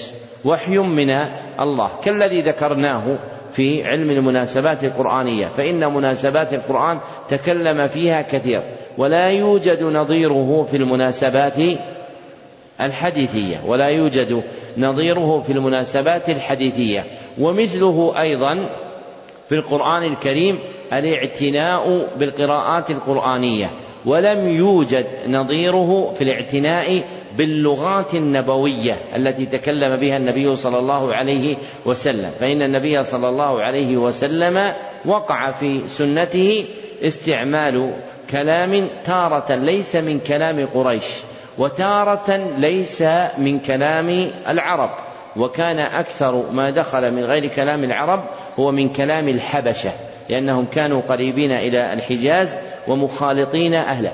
فهذان وأمثالهما مما بني على ما ذكرته لكم من أصل نافع وهو مقايسة ما ذكر في القرآن بما ينبغي أن يكون نظيرا له في السنة. ومنه ما أشار إليه المصنف من أن الغلط الذي ذكر في التفسير يوجد مثله من الغلط في تفسير القرآن الكريم لكن العناية به في تفسير القرآن أكثر من العناية به في تفسير الحديث. نعم. أحسن الله إليكم. قال رحمه الله فصل في أحسن طرق التفسير فإن قال قائل فما أحسن طرق التفسير؟ فالجواب إن أصح الطرق في ذلك أن يفسر القرآن بالقرآن فما أجمل في مكان فإنه قد فسر في موضع آخر وما اختصر في مكان ولذلك هذا الذي ذكرته لكم في اللغات البخاري من أذكياء العالم فيوجد في باب ما تحته علم كثير. ترجم باب الرطانة بالفارسية. باب الرطانة بالفارسية. وذكر ما ذكر من الأحاديث. هو يرجع إلى هذا الأصل لغات النبي صلى الله عليه وسلم. ولذلك كتاب البخاري كتاب عظيم. وإذا كان إسحاق بن راهويه لما أدخله على أدخل التاريخ الكبير على بن طاهر جعله بمنزلة عظيمة كأنه يعني كتاب سحر يعني لجلالة ما ذكر فيه من الرجال مع اختلاف بلدانهم فكيف بصحيح البخاري؟ لأن صحيح البخاري اشتمل على أصح الأحاديث النبوية وذلل الله فهمه لرجل زكي ذكي. فكان يوجد في كنوز العلوم فيه ما يرجع تارة إلى ذكائه وما يرجع تارة أخرى إلى ذكائه. يقطع الناظر بذلك بأنه ليس كل منشأه من باب الذكاء وإنما منشأه من باب الزكاة فالبخاري مثلا يترجم بترجمة في كتاب الإيمان ولها صلة بترجمة أخرى في كتاب الفتن. ويستبعد المرء أن يوجد هذا ذكاء وقد يوجد لكنه يرجع إلى الزكاء كأن كترجمته في كتاب الإيمان بقوله باب من الإيمان الفرار بالدين من الفتن. ثم ترجم في كتاب الفتن باب التعرب في الفتن. وهذا الباب الأخير تفسير للباب الأول بأن الفرار يكون بالخروج إلى منازل الأعراب يعني إلى البادية. فهذا كثير في صحيح البخاري. نعم. أحسن الله إليكم. قال رحمه الله فإن قال قائل فما أحسن طرق التفسير؟ فالجواب إن أصح الطرق في ذلك. أن يفسر القرآن بالقرآن فما أجمل في مكان فإنه قد فسر في موضع آخر وما اختصر في مكان فقد بسط في موضع آخر. فإن أعياك ذلك فعليك بالسنة فإنها شارحة للقرآن وموضحة له. بل قد قال الإمام أبو عبد الله محمد بن إدريس الشافعي كل ما حكى به رسول الله صلى الله عليه وسلم فهو مما فهمه من القرآن. قال الله تعالى إنا أنزلنا إليك الكتاب بالحق لتحكم بين الناس بما أراك الله ولا تكن للخائنين خصيما وقال تعالى وأنزلنا إليك الذكر لتبين للناس ما نزل إليهم ولعلهم يتفكرون وقال تعالى وما أنزلنا عليك الكتاب إلا لتبين لهم الذي اختلفوا فيه وهدى ورحمة لقوم يؤمنون ولهذا قال رسول الله صلى الله عليه وسلم ألا إني أوتيت القرآن ومثله معه؟ يعني السنة. والسنة أيضا تنزل عليه بالوحي كما ينزل القرآن لا أنها تتلى كما يتلى وقد استدل الإمام الشافعي وغيره من الأئمة على ذلك بأدلة كثيرة ليس هذا مع ذلك. والغرض أنك تطلب تفسير القرآن منه فإن لم تجده فمن السنة كما قال رسول الله صلى الله عليه وسلم لمعاذ حين بعثه إلى اليمن. بما تحكم قال بكتاب الله قال فإن لم تجد قال فبسنة رسول الله صلى الله عليه وسلم. قال فإن لم تجد قال اجتهد رأيي قال فضرب رسول الله صلى الله عليه وسلم بصدره وقال الحمد لله الذي وفق رسول رسول الله لما يرضي رسول الله صلى الله عليه وسلم. وهذا الحديث في المسانيد والسنن بإسناد جيد. وحينئذ إذا لم تجد التفسير في القرآن ولا في السنة رجعت في ذلك إلى أقوال الصحابة. فإنهم أدرى بذلك لما شاهدوا من القرائن والأحوال التي اختصوا بها. ولما لهم من الفهم التام التام والعلم الصحيح والعمل الصالح لا سيما علماؤهم وكبراؤهم كالأئمة الأربعة الخلفاء الراشدين والأئمة المهديين مثل عبد الله بن مسعود. قال الإمام أبو جعفر محمد بن جرير الطبري حدثنا أبو كريب قال أنبانا جابر بن نوح قال أنبانا الأعمش عن أبي الضحى عن مسروق قال قال عبد الله يعني ابن مسعود رضي الله عنه والذي لا إله غيره ما نزلت آية من كتاب الله إلا وأنا أعلم فيما نزلت وأين نزلت ولو أعلم مكان أحد أعلم وأعلم بكتاب الله مني تناله المطايا لا أتيته.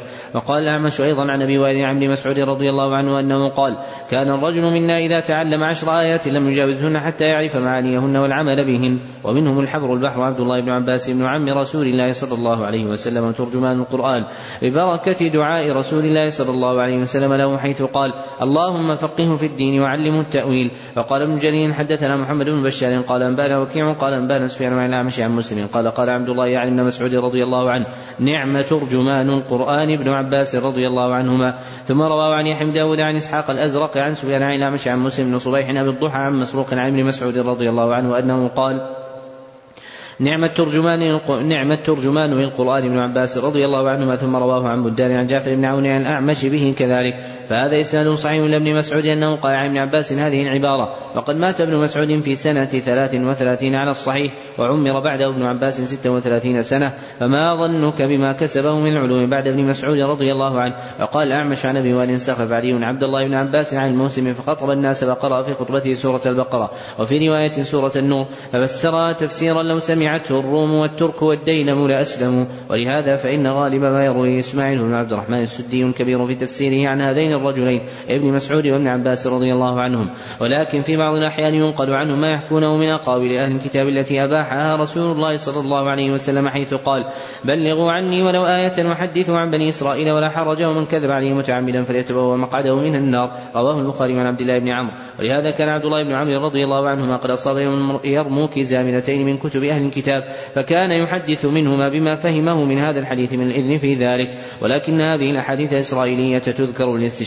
لا للاعتقاد فإنها على ثلاثة أقسام. أحدها ما علمنا صحته مما بأيدينا مما يشهد له بالصدق فذاك صحيح. والثاني ما علمنا كذبه بما عندنا مما يخالفه. والثالث ما هو مسكوت عنه لا من هذا القبيل ولا من هذا القبيل فلا نؤمن به ولا نكذبه. وتجوز حكايته لما تقدم وغالب ذلك مما لا فائدة فيه تعود إلى أمر ديني. ولهذا يختلف علماء الكتاب في مثل هذا كثيرا. ويأتي عن المفسرين خلاف بسبب ذلك كما يذكرون في مثل هذا أسماء أصحاب الكهف. ولون كلبهم وعدتهم وعصا موسى من أي الشجر كانت وأسماء الطيور التي أحيا الله تعالى لإبراهيم. وتعيين البعض الذي ضرب به المقتول من البقرة ونوع الشجرة التي كلم الله منها موسى عليه السلام. إلى غير ذلك مما أبهمه الله تعالى في القرآن مما لا فائدة في تعيينه. تعود على المكلفين في دنياهم ولا في دينهم. ولكن نقل الخلاف عنهم في ذلك جائز. كما قال تعالى سيقولون ثلاثة رابعهم كلبهم ويقولون خمسة سادسهم كلبهم رجما بالغيب ويقولون سبعة وثامنهم كلبهم قل ربي أعلم بعدتهم ما يعلمهم إلا قليل. فلا تمار فيهم إلا مراء ظاهرا ولا تستفت فيهم منهم أحدا. فقد اشتملت هذه الآية الكريمة على الأدب في هذا المقام وتعليم ما ينبغي في مثل هذا. فإنه تعالى أخبر عنهم في ثلاثة أقوال مضاعفة قولين الأولين وسكت عن الثالث.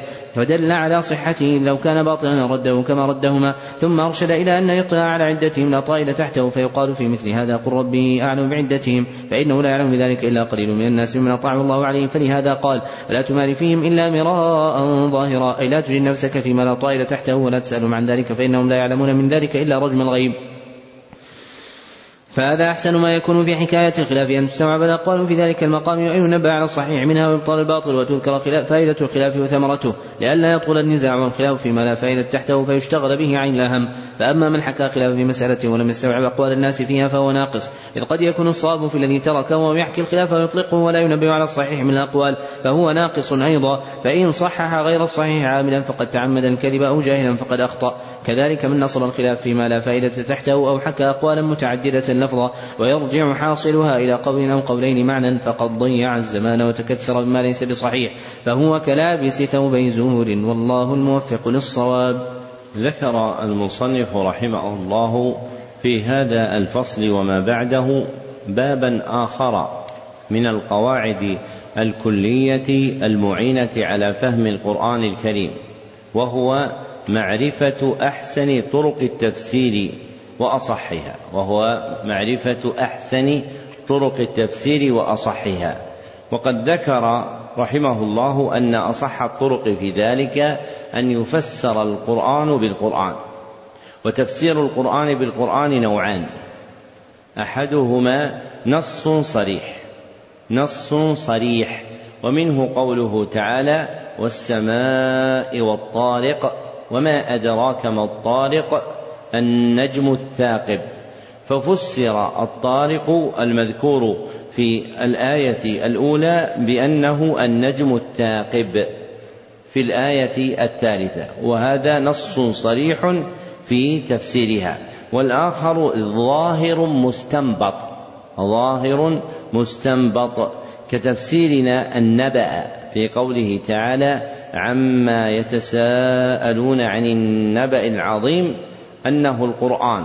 لقوله تعالى قل هو نبأ عظيم أنتم عنه معرضون أنه القرآن. لقوله تعالى قل هو نبأ عظيم أنتم عنه معرضون فسياق الآية في سورة صاد يدل على أنه القرآن. فتفسر آية سورة عما بما جاء في آية سورة صاد وهذا تفسير للقرآن بالقرآن على وجه ظاهر مستنبط. والأول هو أعلاهما والأول هو أعلاهما وهو باب من العلم نافع بأن يتتبع ما فسر به القرآن نصا صريحا فيه إما في السورة نفسها وإما في سورة أخرى. فالذي ذكرناه في سورة الطارق وقع في السورة نفسها ووقع في سورة الفاتحة في قوله تعالى مالك يوم الدين. تفسيره بما جاء في آخر سورة الانفطار وما أدراك ما يوم الدين ثم ما أدراك ما يوم الدين. يوم لا تملك نفس لنفس شيئا. وأخبرني مخبر أن هذا النوع من العلم قدمت فيه رسالتان علميتان. في جامعة أظنها في جامعة في السودان قطعا أظنها جامعة أم الدرمان الإسلامية. وهذا باب من العلم نافع وهو من أولى ما ينبغي أن يشتغل به في التفسير. لأنه تفسير القرآن بالقرآن على وجه صريح. فإن أعياك وجدان تفسير القرآن بالقرآن فعليك بالسنة. وتفسير القرآن بالسنة نوعان. أحدهما تفسير خاص تفسير خاص. كالثابت في تفسير قوله تعالى غير المغضوب عليهم ولا الضالين. أن المغضوب عليهم هم اليهود وأن الضالين هم النصارى. رواه الترمذي وإسناده حسن. فهذا تفسير خاص معين في الآية المذكورة. والآخر تفسير عام غير معين. تفسير عام غير معين. وهو سنته صلى الله عليه وسلم قولا وفعلا وتقريرا كتفسير قوله تعالى أقم الصلاة لدلوك الشمس إلى غسق الليل وقرآن الفجر إن قرآن الفجر كان مشهودا بالأحاديث الواردة عن النبي صلى الله عليه وسلم في أوقات الصلاة بالأحاديث الواردة عن النبي صلى الله عليه وسلم في أوقات الصلاة وذكر المصنف رحمه الله في تقرير هذا المعنى من تفسير القرآن بالقرآن وأنه إن لم يوجد فيه فسر بالسنة ذكر حديث معاذ بن جبل رضي الله عنه المشهور وهو حديث ضعيف عند قدماء الحفاظ. وأما المصنف وأصحابه كأبي الفداء بن كثير وأبي عبد الله بن القيم فإنهم يذهبون إلى ثبوت هذا الحديث. لجلالة ما فيه من المعنى من المعنى. فإن المعنى المذكور في حديث معاذ صحيح قطعا فلأجل جلالة معناه وكونه معروفا في الشريعة مع احتمال تقويته ثبتوه ورأوه ثابتا عن النبي صلى الله عليه وسلم وقدماء الحفاظ على عدم صحته. ثم ذكر أنه إذا لم تجد التفسير في القرآن ولا في السنة رجعت إلى تفسير الصحابة رضي الله عنهم. وقدم الصحابة على غيرهم في القرآن في تفسير القرآن لأمرين. وقدم الصحابة على غيرهم في تفسير القرآن لأمرين. أحدهما كمال فهومهم. كمال فهومهم وصحة علومهم. كمال فهومهم وصحة علومهم. وصلاح أعمالهم. وصلاة وصلاح أعمالهم. وزكاة قلوبهم. وزكاة قلوبهم. والآخر شهودهم التنزيل. شهودهم التنزيل. فإنهم كانوا يشاهدون النبي صلى الله عليه وسلم والقرآن ينزل عليه فاطلعوا على قرائن الأحوال المختصة به ولم يشاركهم في هذا أحد. وأولى الصحابة بالتقديم في تفسير القرآن هم علماء الصحابة وكبراؤهم. وأولى الصحابة بالتقديم في تفسير القرآن هم علماء الصحابة وكبراؤهم كالخلفاء الراشدين وعبد الله بن مسعود وعبد الله بن عباس رضي الله عنهم. وعن الأخيرين نقل كثير في تفسير القرآن. وعن الأخيرين يعني ابن مسعود وابن عباس نقل كثير في تفسير القرآن. حتى خص بعض المفسرين تفسيره بالمنقول عنهم. حتى خص بعض المفسرين تفسيره بالمنقول عنهم.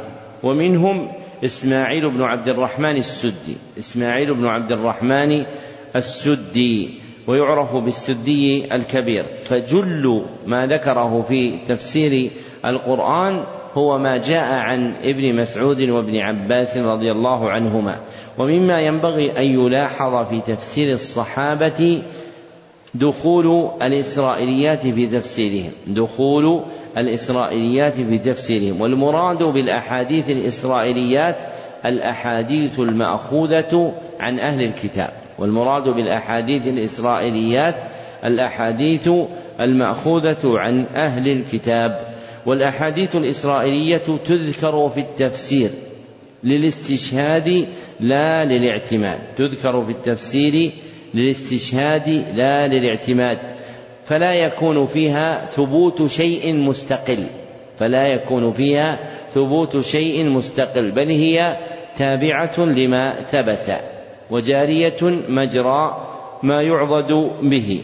وقد أذن النبي صلى الله عليه وسلم لأصحابه وأمته من بعدهم في التحديث عن أهل الكتاب فقال حدثوا عن بني إسرائيل ولا حرج. والأصل في هذا السعة ما لم ينازعه منازع كبطلان المعنى.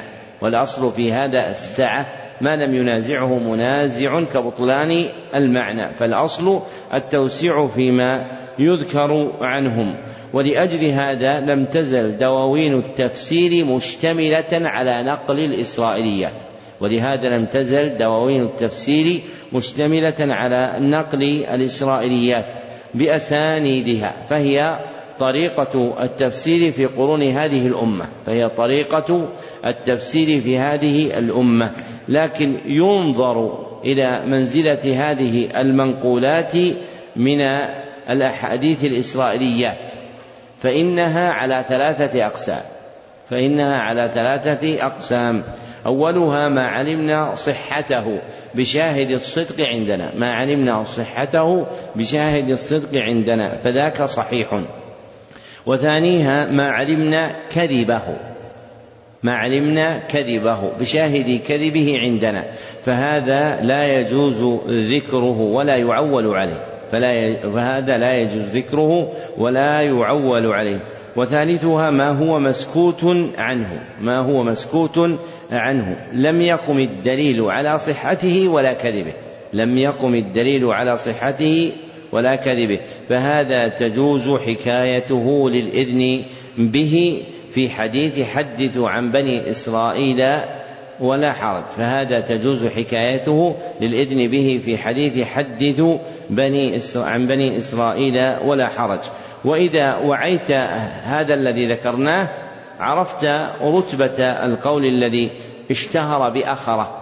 من دعوى تنقية كتب التفسير من الأحاديث الإسرائيليات فإن هذه الدعوة خلاف طريقة الأئمة والأوائل فإن الأوائل ممن صنفوا في التفسير كأبي جعفر بن جرير وابن أبي حاتم وابن المنذر وعبد بن حميد وغيرهم من المصنفين بالأسانيد كانوا يذكرون الإسرائيليات. وما يذكرونه هو تارة مما علم صدقه وتارة مما هو مسكوت عليه فهم لا يذكرون ما بان كذبه وإن ذكروه زيفوه ويرون السعة في نقل ما كان صحيحا أو كان مسكوتا عنه لا يعلم صدقه أو كذبه تبعا لما جاء في خطاب الشريعة من التوسعة في ذلك. فالنفرة منها على وجه طلب نزعها من كتب التفسير هي طريقة مخالفة لمن مضى من أئمته. ومن المقطوع به أن السبيل التي يسلكها من تأخر ولم يسلكها من تقدم هي طريق مفلسة. وأن الراسخين في ذلك العلم هم به أعلم. وكل أحد يقول إن إمام المفسرين هو ابن جرير الطبري ولهم في ذلك حكايات مذكورة عن ابن خزيمة وابن كثير في أن الرجل لو رحل إلى الصين في طلب تفسير ابن ابن جرير لما كان ذلك كثيرا. وينقل أيضا عن ابن حزم. فعند ذلك لا يظنن ذكي أنه يكون في التفسير على طريقة جديدة لم يسلكها ابن جرير وأن تكون طريقة ابن جرير خلاف التحقيق. فابن جرير وعى المرتبة الشرعية للإسرائيليات من أن ما ثبت صدقه يذكر وأن ما هو مسكوت عليه يذكر. وأما الكذب فإنه يزيف. وهذا مما ينتفع به في العلوم أنك إذا أردت الفهم فيها فانظر إلى طرائق المتقدمين فهم أهل الرسوخ والتحقيق.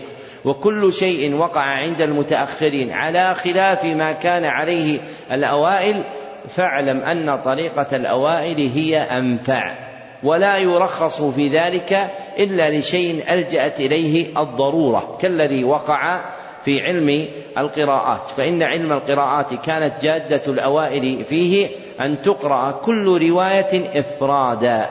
ثم لما صار في المئة الخامسة واضطر الناس في ابتغاء حفظ القراءات إلى الجمع جمعوا لمشقة إفراد كل رواية على حدة. فصار هذا النهج مأخوذا به لأجل مصلحة اقتضت ذلك وهو لا يخالف طريقة الأوائل من كل وجه وإن كان الأوائل يقتصرون على الإفراد. لكن من تأخر عنهم في المئة الخامسة إلى يومنا هذا اضطروا إلى الجمع حتى تحفظ القراءات.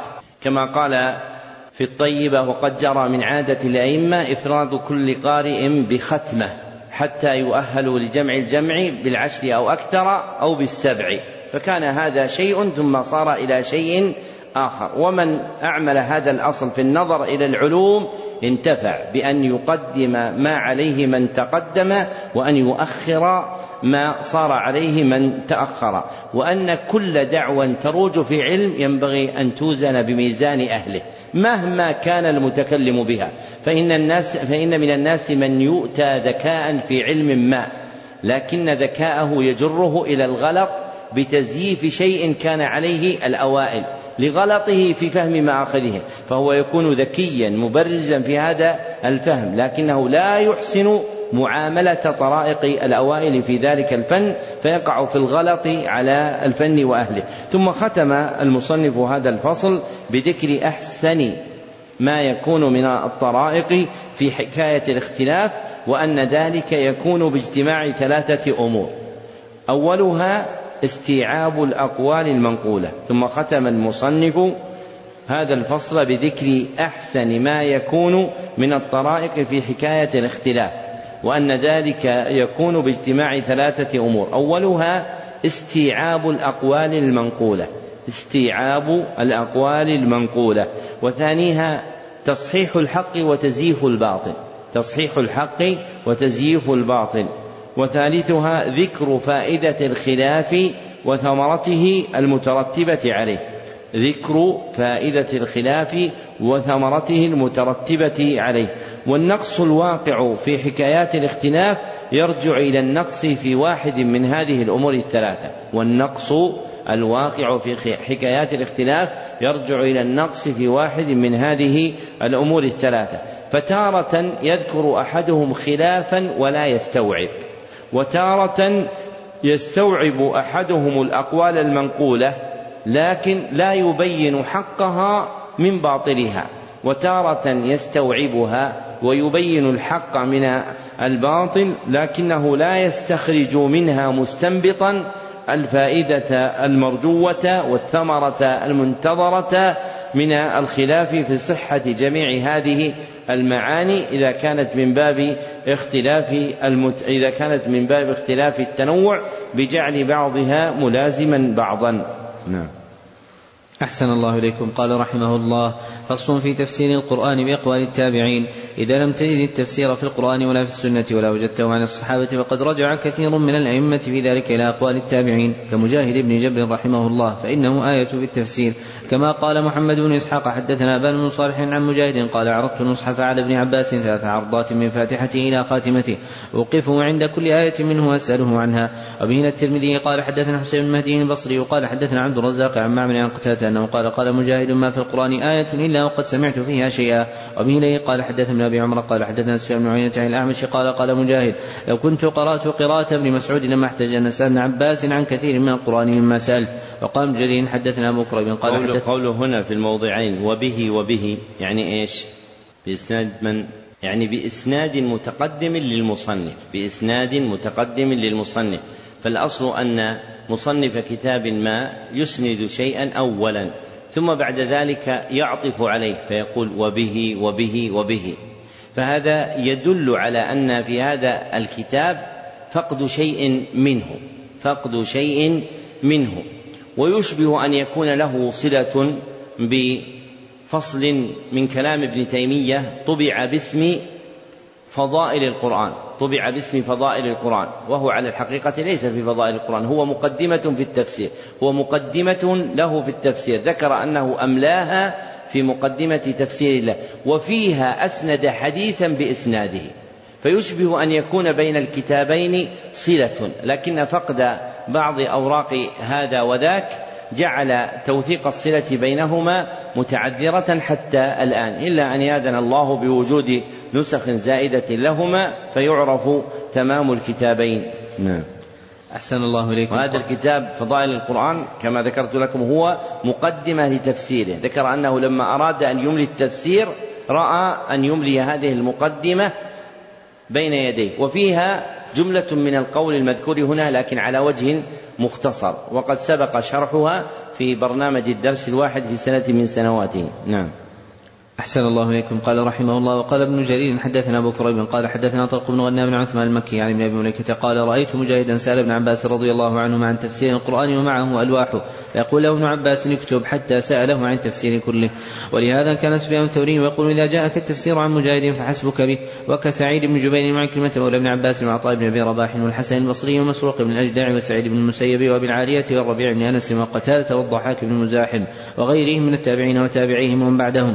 فتذكر أقوالهم في الآية فيقع في عباراتهم تباين في الألفاظ يحسبها من لا علم عنده اختلافا فيحكيها أقوالا وليس كذلك. فإن منهم من يعبر عن شيء بلازمه أو نظيره ومنهم من ينص على الشيء بعينه. والكل بمعنى واحد في كثير من الأماكن فليتفطن اللبيب لذلك والله الهادي. وقال شعبة بن الحجاج وغيره أقوال التابعين في الفروع ليست حجة فكيف تكون حجة في التفسير يعني أنها لا تكون حجة على غيرهم ممن خالفهم وهذا صحيح. أما إذا اجتمعوا على الشيء فلا يرتاب في كونه حجة فإن اختلفوا فلا يكون قول بعضهم حجة على بعض ولا على من بعدهم ويرجع في ذلك إلى لغة القرآن والسنة أو عموم لغة العرب أو الصحابة في ذلك. فأما تفسير القرآن بمجرد الرأي فحرام.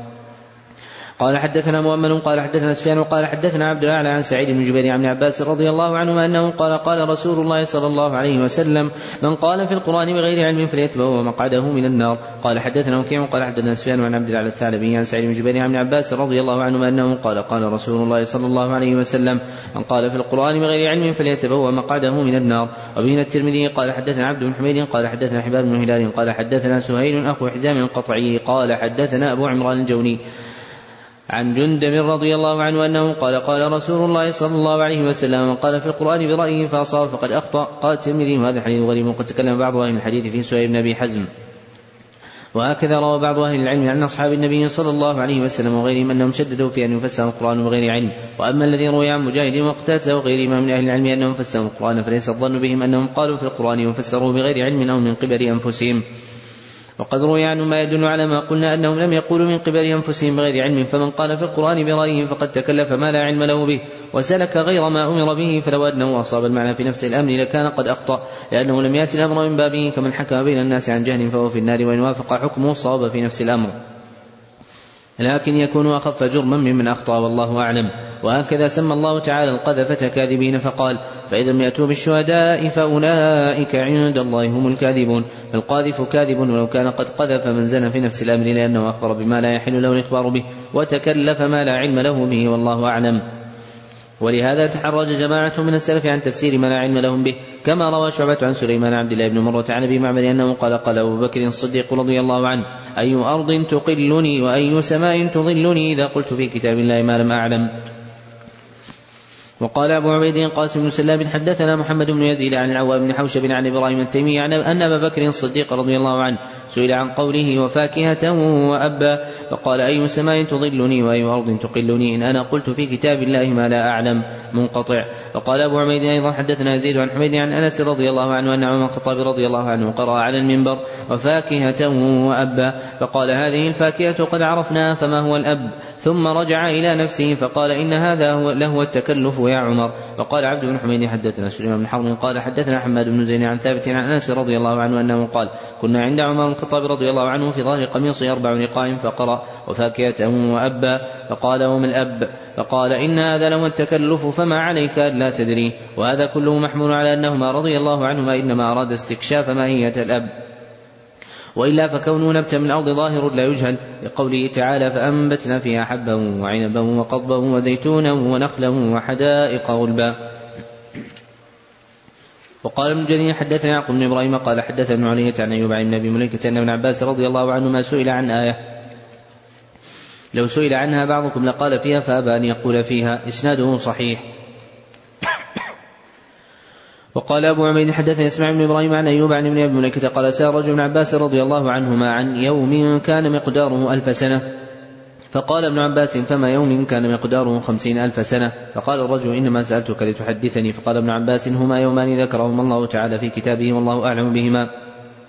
فكره أن يقول في كتاب الله ما لا يعلم. وقال ابن جرير حدثني يعقوب بن إبراهيم قال حدثنا ابن علية عن مهدي بن ميمون عن الوليد بن مسلم قال جاء طلق بن حبيب إلى جند بن عبد الله رضي الله عنه فسأله عن آية من القرآن فقال أحرج عليك إن كنت مسلما لما قمت عني أو قال أن تجالسني.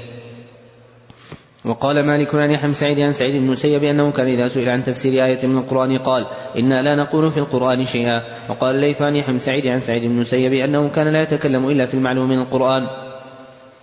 وقال شعبة عن عم مرة قال سأل رجل سعيد بن المسيب عن آية من القرآن فقال لا تسألني عن القرآن وسل من يزعم أنه لا يخفى عليه منه شيء يعني عكرمة وقال الشوذب حدثني يزيد بن أبي يزيد قال كنا نسأل سعيد بن المسيب عن الحلال والحرام وكان أعلم الناس فإذا سألناه عن تفسير آية من القرآن سكت كأن لم يسمع وقال ابن جرير حدثنا أحمد بن عبد الضبي قال حدثنا أحمد بن زيد قال حدثنا عبد الله بن عمر قال لقد أدركت فقهاء المدينة وإنهم ليعظمون القول في التفسير منهم سالم بن عبد الله والقاسم بن محمد وسعيد بن المسيب ونافع وقال أبو عبيد حدثنا عبد الله بن صالح عن الليث عن هشام بن عروة قال ما سمعت أبي تأول آية من كتاب الله قط وعن أيوب بن عون وهشام الدستوائي عن محمد بن سيرين أنه قال سألت عبيدة السلماني عن آية من القرآن فقال ذهب الذين كانوا يعلمون فيما أنزل من القرآن فاتق الله وعليك بالسداد. وقال أبو عبيد حدثنا معاذ بن عون عن عبيد الله بن مسلم يسأل عن أبي أنه قال إذا حدثت عن الله فقف حتى تنظر ما قبله وما بعده. قال حدثنا شيء عن مغيرة عن إبراهيم أنه قال كان أصحابه يتقون التفسير ويهابونه وقال شعبة عن عبد الله بن أبي السفر قال قال الشعبي والله ما من آية إلا وقد سألت عنها ولكنها الرواية عن الله عز وجل. وقال أبو عبيد حدثنا هشيم قال أنبانا عمر بن أبي زيد عن الشعبي عن مسروق أنه قال اتقوا التفسير فإنما هو الرواية عن الله عز وجل. فهذه الآثار الصحيحة وما شاكلها عن أئمة السلف محمولة على تحرجهم عن الكلام بالتفسير بما لا علم لهم به. فأما من تكلم بما يعلم من ذلك لغة وشرعا فلا حرج عليه. ولهذا روي عن هؤلاء وغيرهم أقوال في التفسير ولا منافاة لأنهم تكلموا فيما علموا وسكتوا عما جهلوا. وهذا هو الواجب على كل أحد فإنه كما يجب السكوت عما لا علم له به. فكذلك يجب القول فيما سئل عنه مما يعلمه لقوله تعالى لتبيننه للناس ولا تكتمونه ولما جاء في الحديث المروي من طرق من سئل عن علم فكتمه وجم يوم القيامة بلجام من نار قال ابن جرير حدثنا محمد بن بشار قال حدثنا مؤمن قال حدثنا سفيان عن ابي الزناد أنه قال قال ابن عباس رضي الله عنهما التفسير على أربعة أوجه وجه تعرفه العرب من كلامها وتفسير لا يعذر أحد بجهالته وتفسير يعلمه العلماء وتفسير لا يعلمه إلا الله تعالى ذكره والله سبحانه وتعالى أعلم. لما بين المصنف رحمه الله في الفصل المتقدم رد تفسير القرآن إلى القرآن ثم السنة ثم أقوال الصحابة أتبعه بهذا الفصل المبين أنه إذا أنك إذا لم تجد التفسير في القرآن ولا في السنة ولا وجدته عن الصحابة فقد رجع كثير من الأئمة في ذلك إلى أقوال التابعين.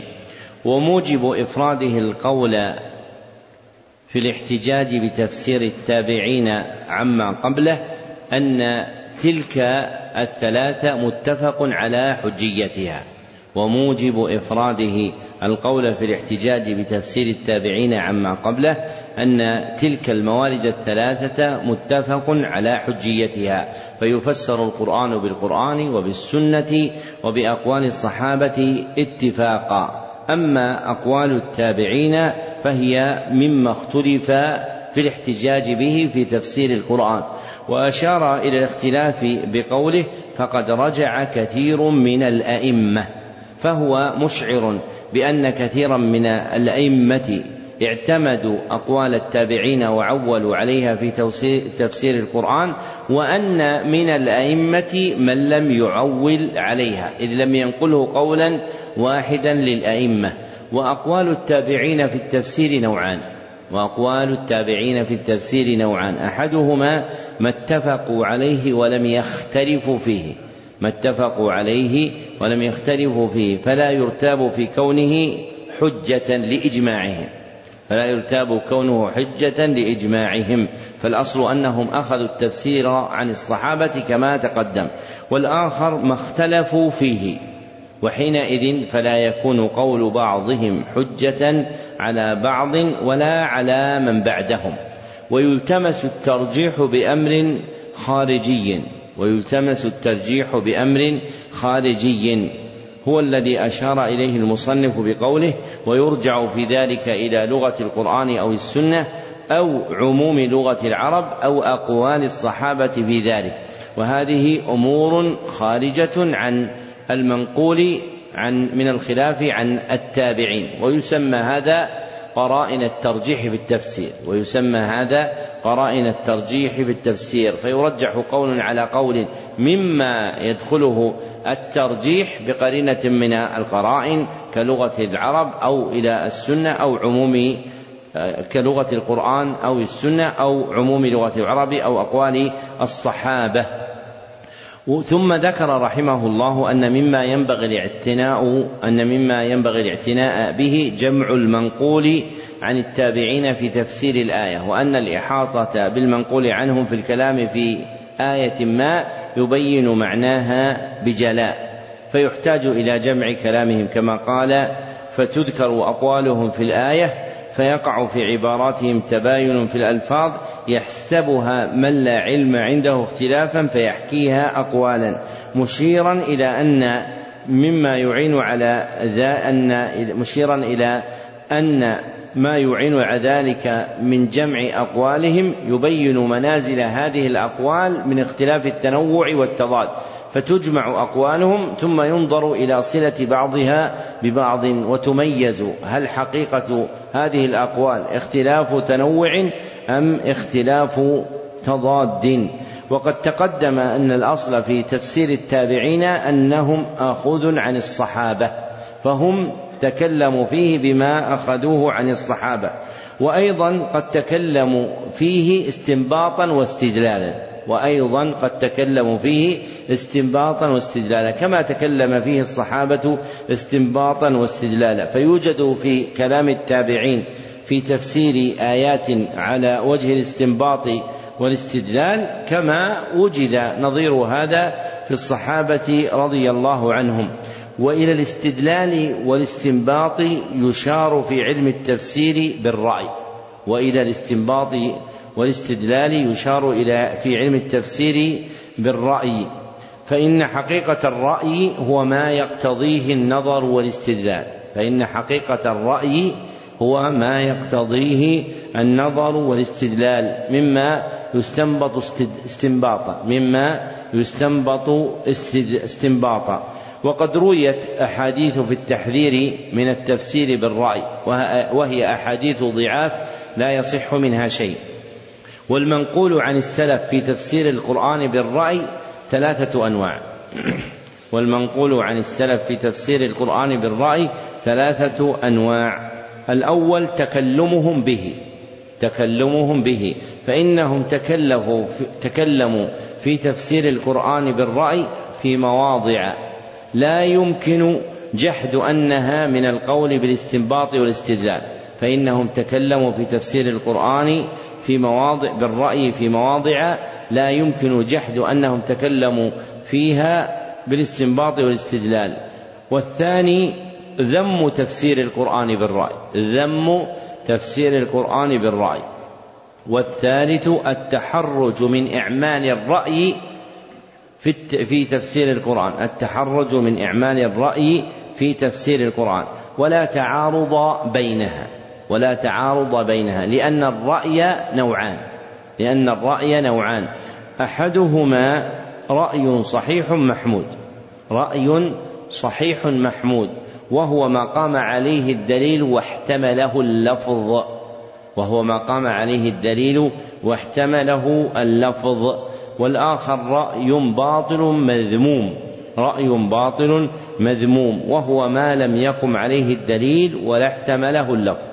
وهو ما لم يقم عليه الدليل ولا احتمله اللفظ. وما نقل عنهم من التحرج محمول على ما لم يتبين. هل هو من الرأي المحمود أم من الرأي المذموم؟ وما نقل عنهم من التحرج محمول على عدم التبين. هل هو من الرأي المحمود أم الرأي المذموم؟ فتلتئم بهذه الأحوال المنقولة عنهم قولا وعملا ما يتعلق بتفسيرهم في الاستنباط والاستدلال الذي يسمى رأيا أنهم تكلموا به فيما كان من جنس الرأي المحمود. ثم ختم المصنف مقدمته بالقول المأثور عن ابن عباس رضي الله عنه في قسمة التفسير وهو عند ابن ابن جرير وفي إسناده ضعف ومعناه صحيح قطعا وقد جعله أربعة أقسام وقد جعله أربعة أقسام. أولها قسم تعرفه العرب من كلامها فالمرجع فيه إلى اللسان العربي. قسم تعرفه العرب في كلامها فالمرجع فيه إلى اللسان العربي. اللسان العربي يعني من؟ نعم. يعني لسان العرب في زمن الاحتجاج. لسان العرب في زمن الاحتجاج. وليس لساننا الآن. نحن إنما عرب بالنسبة إليهم. أما اللسان كثير منه أعجمي. وهذا يقع فيه بعض طلاب العلم والمتكلمين في العلم. يفسرون معاني القرآن أو الأحاديث باعتبار ما يعرفونه هم من لغتهم دون النظر إلى ما نقل عن العرب في معاني الكلام. والثاني قسم لا يعذر أحد بجهالته. قسم لا يعذر أحد بجهالته لأنه من العلم المشتهر ولا يفتقر ولا ولا يفتقر فيه إلى بيان خاص ولا يفتقر فيه إلى بيان خاص. كالآيات الواردة في الشرائع الظاهرة كالآيات الواردة في الشرائع الظاهرة كالطهارة والصلاة والصيام والزكاة والحج. فهذا لا يحتاج فيه إلى نقل خاص وهو من العلم المشتهر المنتشر. والقسم الثالث قسم يعلمه العلماء فيختص به دون غيرهم فيختص به دون غيرهم. والرابع قسم لا يعلمه إلا الله قسم لا يعلمه إلا الله. ومحله الحقائق دون المعاني ومحله الحقائق دون المعاني. فليس في القرآن لفظ معمى أي مجهول مبهم. فليس في القرآن لفظ معمى أي مجهول مبهم. لا تعرفه الأمة كلها. وقد يوجد في لفظ أن يخفى على أحد لكن يعرف معناه غيره من طبقات هذه الأمة. فالخفاء المذكور الذي لا يعلمه إلا الله هو حقائق ما يذكر في القرآن الكريم مما هو غيب. حقائق ما يذكر في القرآن الكريم مما هو غيب كخبره سبحانه عن نفسه أو عن الجنة أو عن النار. فإننا نعرف معاني ما خطبنا به لكننا لا نعرف حقائق ذلك. لكن لكننا لا نعرف حقائق ذلك. فمثلا إذا قرأ الإنسان آية في صفات الله كقوله تعالى لما خلقت بيدي. أو قرأ آية تتعلق باليوم الآخر كقوله تعالى إذا السماء انشقت. أو قرأ آية تتعلق بالجنة أو النار فإنه يعرف معناها لكن حقيقتها التي تكون عليها فهي مختصة بالله. وهذا هو الذي أراده ابن عباس في قوله لا يعلمه إلا الله أي لا يعلم حقيقته. أما المعنى فيكون في هذه الأمة من يعلمه. فليس في القرآن شيء معمى عن جميع الأمة. لا يمكن أن تجد معرفة تفسيره عند أحد منها. وهذا آخر البيان على هذا الكتاب بما يناسب المقام. اكتبوا طبقة السماع سمع علي سمع علي جميع مقدمة أصول التفسير بقراءة غيره صاحبنا فلان ابن فلان يكتب اسمه تاما فتم له ذلك في مجلس واحد بالميعاد المثبت في محله من نسخته وأجزت له روايته عني إجازة خاصة من معين لمعين في معين بإسناد المذكور في منح المكرمات لإجازة طلاب المهمات. صحيح ذلك الحمد لله رب العالمين. صحيح ذلك كتبه صالح بن عبد الله بن حمد العصيمي يوم الثلاثاء ولا يوم الأربعاء يوم الأربعاء السادس والعشرين من شهر ربيع الآخر سنة أربعين وأربعمائة وألف في المسجد النبوي بمدينة الرسول صلى الله عليه وسلم. بقيت صبابة من القول تستغرق إن شاء الله تعالى دقيقتين. وهي أن هذا الكتاب كتاب حافل يصلح أن يكون من المحفوظ لكن ملكات الناس صارت تعجز تعجز عن مثله.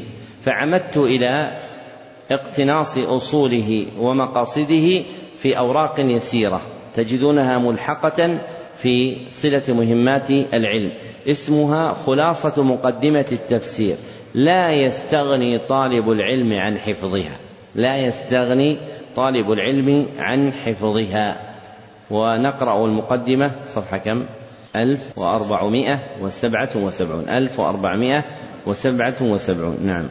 أحسن الله إليكم. قلتم في مصنفكم خلاصة مقدمة أصول التفسير. بسم الله الرحمن الرحيم. الحمد لله الذي خلص بالإخلاص أهله ويسر لهم في كتابه فهمه وأشهد أن لا إله إلا الله وكفى وأشهد أن محمدا عبده ورسوله المصطفى صلاة الله وسلامه عليه دائما وعلى آله وصحبه ومن بعدهم من أهل الإيمان. أما بعد فهذه خلاصة وافية وتذكرة شافية اجتبيتها من مقدمة أصول التفسير وأبقيت مادتها دون أدنى تغيير. فالكلام كلام مصنفها ابن عباس بن تيمية الحفيد والاختصار لمنشئ هذا التقييد فالحمد لله المبدئ المعيد. ما بعده كله من اللفظ الذي قرأناه. اكتبوا طبقة السماع فيها صفحة 1491 طبقة السماع 1491 سمع علي جميع مقدمة أصول التفسير. جميع خلاصة مقدمة أصول التفسير. هذه جميع لمن حضر معنا المقدمة كلها فهذه تندرج فيها. بقراءة غيره صاحبنا فلان بن فلان ويكتب اسمه تاما فتم له ذلك في مجلس واحد بالميعاد المثبت في محله من نسخته وأجزت له روايته عني إجازة خاصة من معين لمعين في معين. والحمد لله رب العالمين صحيح ذلك كتبه صالح بن عبد الله بن حمد العصيمي يوم الأربعاء السادس والعشرين من شهر ربيع الآخر سنة أربعين وأربعمائة وألف في المسجد النبوي بمدينة الرسول صلى الله عليه وسلم وهذا آخر هذا المجلس والحمد لله رب العالمين.